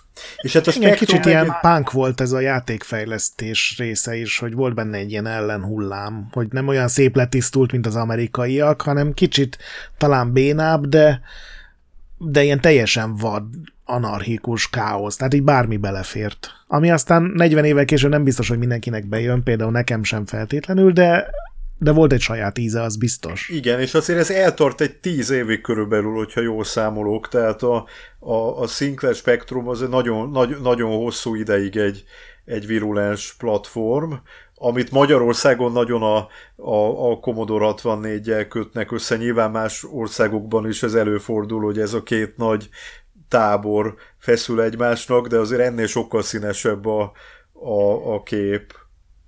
És hát tegyük hozzá, hogy Magyarországon a első játéklap, ugye az a Spektrum világ volt. Tehát, hogy a spek- az EX Spektrum hozta össze azt a, nem tudom, kritikus tömeget, vagy hogy mondjam, azt a olvasóbázist, ami már nem csak egy ö, rovatok szintjén létező játéksajtót tartott el, hanem egy önálló játéklapot. Igen, és ironikus módon ugyanaz a Ruc Lajos adta ki a Commodore világot, és Igen, ott, ott megfordult a dolog, mert a Spektrum világban az ilyen komoly dolgok voltak a robotok, igen, és a, és a játék magazin volt az alap. igen, lényegesen visszafogottabb lett a, a Spektrum világ. Igen. Gondolom most akkor a spektrummal nem fogunk sokat foglalkozni majd Hát jövőre? most így vagy? szerintem, szerintem így kb. ennyit, nem? Kb. ö, ennyit, még annyit, ha megengedsz, megjegyeznék, hogy, hogy ez is nagyon izgalmas perifériák jelentek meg. Hát egyrészt, ami még az EX81 idején jelent meg, ha jól emlékszem, az egy különleges megoldás volt a, a Sinclair hőnyomtató, ami egy speciális fém papírt használt, hogyha jól emlékszem, tehát mindenképpen egy ilyen különleges megoldással dolgozott, de hát az ZX Spectrumhoz jelent meg a Microdrive nevű adattároló is, ami egy ilyen egyorsós, végtelenített szallagos kis picike ö, adatmagnó szerűség volt, vagy ilyen kis cartridge-eket használt. Most már megkoptak az emlékeim, de talán olyan 80 kilobájt körül tudott tárolni. Én nem tudom. Ezt... nem tudom. De, de ez is egy nagyon jellegzetes Sinclair ötlet volt, egy kis tenyérnyi ö, ö, ö, készülék volt, és hát ez is ilyen gyufáskatúja méretű volt maga a kis kazetta, ami megjelent hozzá, és utána egyébként más cégek megteremtették a, a konkurenciáját is, tehát például Wafa Drive néven készült egy, egy nagyon hasonló ö, ö, gyártmány, amit már nem a Sinclair gyártott. Az egész az arról szólt, hogy a, a kazettás magnónak legyen egy alternatívája, ami ugyanakkor lényegesen olcsóbb, mint a floppy, és hát ezt az alternatívát ő tovább vitte a, az 1984. januárjában megjelent Sinclair QL-be, ami ugye fellengzősen a Quantum Leap, és, és hát az, az egy nagyon összvér megoldású számítógép volt. Ugye ott is azt hiszem, hogy volt egy ilyen kitűzött ár, ez a 400 font, meg, meg, meg ott is volt egy ilyen Sinclairre jellemző dolog, hogy már nagyon korán beharangozták a gépet, és hát végül sokaknak csalódást okozott, hogy még nem működött, meg nem tudták időben kiszállítani, de hát amikor ezzel megjelent a, a Sinclair, akkor azt a forradalmat akarta megismételni, amit a, a ZX81-jel elért a házi számítógépek világában, gyakorlatilag a, az üzleti gépeknek akarta ezt az új kategóriáját megteremteni, csak hát van egy gép, ami Motorola processzor köré épül, 32 bites, multitasking, tényleg sok szempontból nagyon profi, de ugyanakkor tovább viszi a, a, a Sinclair Spectrumnak, illetve a Spectrum Plusnak a, a billentyűzetét, egy ilyen fólia alapú ö, műanyag billentyűzet, és, és mikrodrive-ok vannak beleépítve floppy helyett, ami, ami egy olyan, olyan ö, ö, program olvasó megoldás, hogy mondjuk tíz esetben háromszor nem jön be a, a program.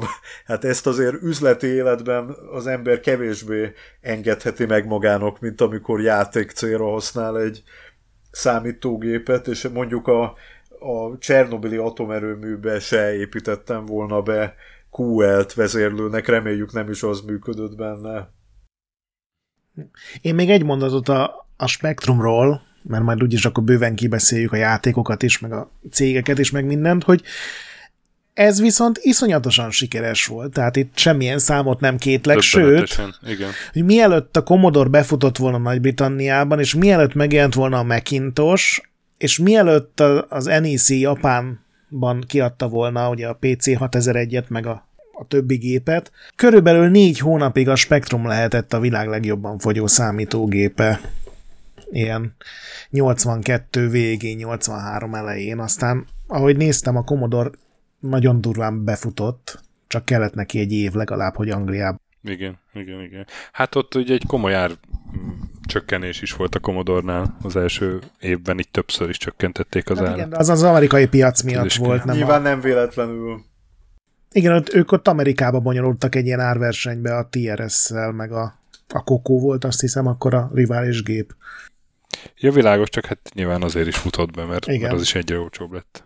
Igen, és hát... Ö ugye 84-ben megjelenik a QL, 85-ben, amiről beszéltünk már a, a C5-tel kapcsolatos nagy fiaskó, vagy hogy fogalmazzak, tehát nagy ö, ö, botrány, és hát ebbe bele is pusztul a, a Sinclair Research, tehát az Amstrad vásárolta föl ezt a, a, a, a gyárat, és, és az Amstrad készít utána a Sinclair Spectrumhoz különböző újabb változatokat, de amit én még borzasztóan kedvelek, a, hogyha most tényleg szigorúan a, a Clive Sinclairnek a pályájáról beszélünk, az az, hogy ő még egy számítógéppel azért jelentkezett már a, a Sinclair Researchnek, a, a számítógépgyárának a, a, a, az eladása után, mégpedig visszanyúlt a Cambridge elnevez, elnevezéshez, ez az E88 nevű hordozható számítógép volt, amit én megint egy, egy formatervezési remek műnek tartok, és hogyha valaki ránéz erre a, a gépre, akkor, akkor így mai szemmel ránézve a tabletek jutnak eszébe, nem is annyira a laptopok. Ez egy A4-es... Hát a kijelzőjét nézve semmiképpen Hát nem. a kijelzőjét nézve nem, mert egy ilyen néhány soros... Inkább ilyen menedzsergép, vagy ez hogy hívták ezeket? Menedzser kalkulátor. Hát én azért annál többre tartom egyébként, tehát ez egy A, A4-es füzetlap méretű gép, körülbelül olyan másfél-két centi vastag lehet, ceruza elemekkel működik, valóban van egy ilyen három, két-három centi széles, tehát viszonylag szűk, de hosszúkás kijelzője, vagy ezt most nem tudom jól elmondani. 64x640-es, ez Tökéletes, köszönöm. Így van, de, de, de azért én többre tartom, mint egy, egy menedzser kalkulátor, tehát ezt elég sokoldalúan lehetett használni, részben megoldható volt a, az adatkapcsolat az akkori asztali PC-kkel, részben szuper programok voltak, már alapból beépítve volt egy ilyen Pipe Dream nevű program, ami egy ilyen adatbáziskezelő, táblázatkezelő, szövegszerkesztő program volt, ironikus módon volt benne egy BBC Basic, annak egy elég jó nyelvjárása, voltak persze ezek a valóban ilyen menedzser kalkulátoros alarm, meg számológép, meg, meg, meg naptár, meg egyéb funkciók, és, és epromokkal, illetve bővítőkkel lehetett még külön kiegészíteni. És az E88 is egy olyan gép, hogy hát lehet, hogy nem volt olyan egetrengető üzleti siker, bár azért egy pár évig foglalkoztatta a, a vásárlókat, de ennek is egy elég masszív rajongótábora alakult ki, és, és nagyon érdekes bővítéseket készítettek hozzá még évtizedekkel később is. Sőt, a Jet Set Willy is megjelent rá, pedig, hogy? vagy, vagy tolták rá, pedig, pedig ezt aztán ezt tényleg nem erre tervezték. Ezt akarod, hogy?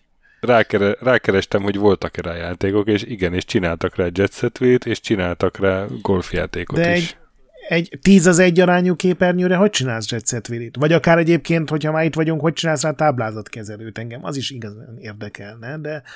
Hát úgy, hogy scrollozol. Úgy, hogy scrollozol, így van. Nem tudom, nekem ez is egy ilyen zsákutcának tűnik. Egyáltalán nem zsák Bocsáss meg, egy, annyira nem zsákutca, hogy utána az Amstrad is mintának tekintette. Tehát ez hasonló jellegű hordozható számítógépek utána jelentek meg még évekkel hát de később. egyik se volt sikeres, meg ez kihalt. Ez egy ilyen neandervölgyi szerintem nem, hogy ilyen nem. tök jó, hogy volt, és akkor és ott lehet, hogy jó volt, de nem találták el a jövőt. Most csúnyát mondtam? Nem értek veled egyet, de nem mondtál csúnyát egyébként, de túl szigorú vagy, én azt gondolom.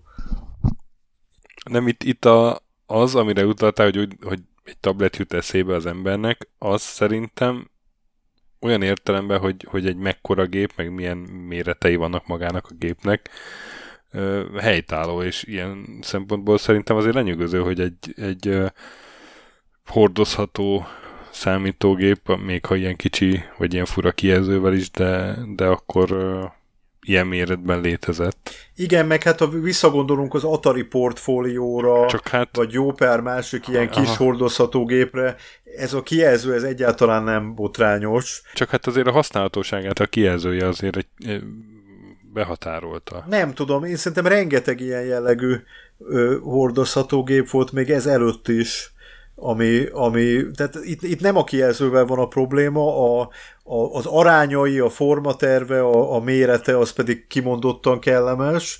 Itt is a billentyűzet volt a gyenge pont egyébként, tehát itt is egy fólia alapú, ilyen érdekes, eléggé a port vonzó gumi jellegű borítású billentyűzete van, és hát ez is hol szemmelveréssel működik, hol pedig nagyon kell vele szenvedni.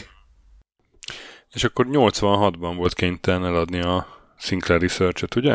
A Amstradnak. Igen, 86 áprilisban vették meg, 5 millió fontot igen. kapott, úgyhogy megtarthatta a cégnevet, ami végül is rendes dolog. Igen.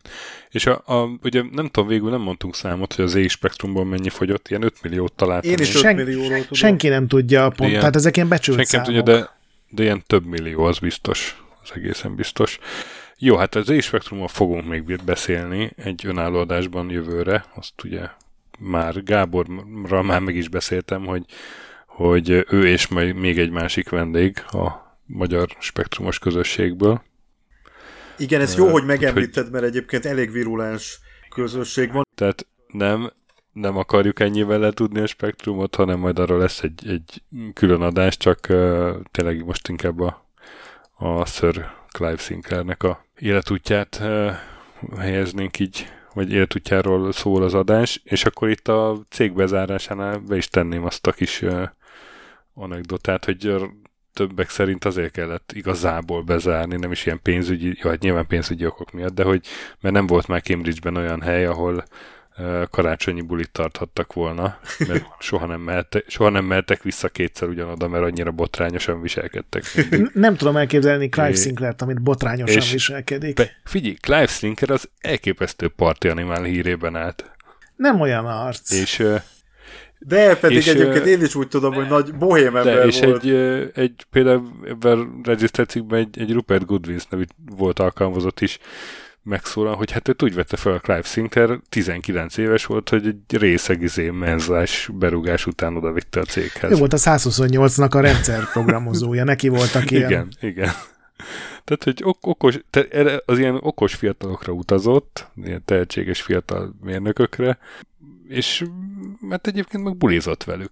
És hát ez a későbbi életében is igazából szinte az élete végéig ő egy ilyen nagy, nagy bulis arc De volt. mellette aztán... egy sportember is volt. Tehát ja, van igen. is egy híres reklámfilm, ahol nekifutásból átugor egy csomó számítógépet, persze hát ez egy trükk felvétel, de az is azért van, mert, mert, mert szeretett sportolni.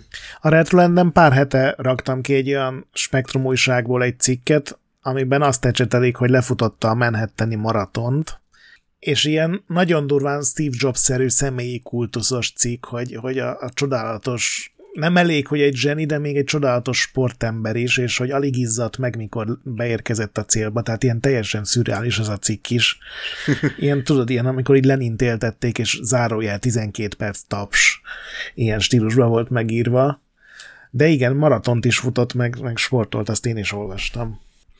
És hát nem tudom, még... A Spektrum korszak után itt... egyébként a gyerekeivel egy PC-s játékboltot csinált, az is ilyen levelezőlapos postai megrendelős volt.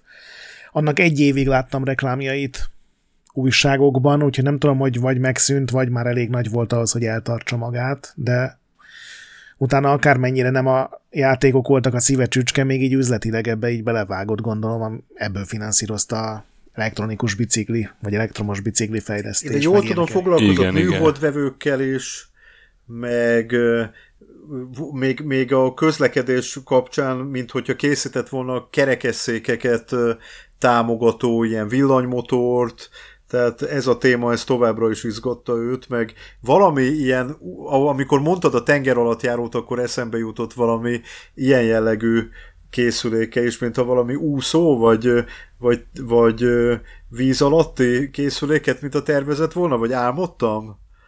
Azt nem tudom. Azt olvastam, hogy a, a nagyapja kép csinált, vagy talált föl valami ilyen vízi aknaszedő Aha. készüléket, de nem tudom, Igen, hogy ez... hadipari mérnök volt.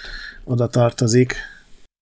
Nem tudom, de minden esetre nagyon sokszínű figura volt, és és én szerintem ez is érdekes, hogy a Mensa Britannicánál is még, még egy csomó dolgozott a, a magas iq britek között. Jókor volt, jó helyen, jó ötletekkel. Várjál, most rákerestem erre, és tehát, hogy 2001-ben egy víz alatti Electric Propeller Vehicle for Scuba, Akkor jól Drivers. Húha, a neve, úristen. Mi a neve? Sea-Doo Sea Scooter. Akkor jól emlékeztem. Ez, amit így fogsz magad előtt, és, Aha, és igen, igen, igen. Visz, visz magával, igen, tudod. Igen. Van egy kis Jetson család jellege. Igen, volt ilyen rajzfilm, amiben így mentek a víz alatt. Igen, meg hát nem tudom, nekem mindig a James Bond filmek jutnak eszembe, hogy ilyen víz alatti James Bond az film. Az se véletlen, hát a brit kultúrának az is. Tehát itt, itt, egy, itt egy nagyon brit történetet látunk, és, és én meg nem azt mondom, hogy jókor volt jó helyen, hanem né, én, én továbbra is azt gondolom, hogy néha egy kicsit túl korán volt ott. Igen, és hát a, ugye, még emellett ugye menzatag is volt, meg men, sőt menza vezető, ugye 17 éven keresztül pókerezett, és hát öregkorára azért csak összeszedett egy korábbi ilyen szépségkirálynőt. Azt 2010-ben összeházasodott Angie Bowness-szel. Igen, de én szerintem a magánéletében válkáljunk. Hát jó, csak ez, ez is hozzátartozik, hogy, hogy azért ez, ez egy olyan dolog, amit meg szoktak jegyezni lexikonokban is, hogy volt egy első felesége, és akkor a második felesége, de hogy de így nem csak akkor én sem nagyon belemenni, de tele van ugye ilyen fotóval a, a képtalálatok, hogy ott van a fiatal szőke felesége mellette, 36 évvel fiatalabb. Egy izgalmas élete volt a... Izgalmas élete volt, és hát azért látszik, hogy milyen emberek ö, köszöntek el tőle, amikor így kijött a halálhír, ugye ilyen Elon Musk, meg Satya Nadella, meg ilyenek. Szóval, szóval hogy sokakra óriási hatással volt közvetve legalább, és uh, nyilván azért voltak olyan találmányok, amik nem jöttek be, mert, mert eleve esetleg nem voltak jól megtervezve, vagy eleve nem mérték fel jól a, a piacot, de olyanok is, amik igazából bejöhettek volna, csak túl korán jöttek ki. Tehát itt ez a hordozható tévé, ez, ez nem tudom, ez nekem abszolút a, a nézi a metrón a gyerek a YouTube-on a videót. Szerintem ráérzett arra, hogy a 21. századi embernek milyen lesz a, az életmódja. Tehát valahogy erre a, a, a menő, mozgásban lévő életre, nagyvárosi életre, és ennek a, a kellékeire ő nagyon jól ráérzett. Igen. Ami engem meglepő volt, mert én ezt nem tudtam, csak most, hogy utána néztem, hogy igazából pont a számítógépes projektekbe volt közvetlenül a legkevésbé benne. Azokat kiadta az ilyen jól megválogatott kollégáknak, akik aztán általában tök jól megcsinálták.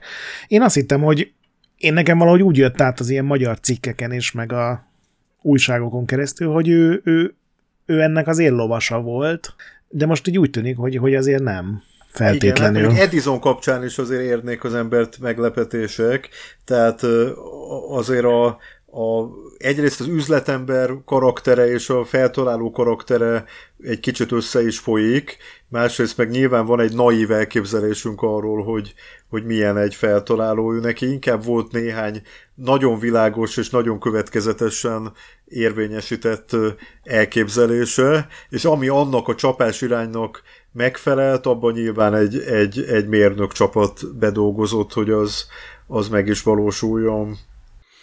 Hát köszönjük neki mindazt a szépet és jót, amivel közelebb hozta informatikát olyan sok emberhez, többek között hozzám is egyébként. Igen, én, én is személyesen Úgy, hálás hogy, vagyok neki.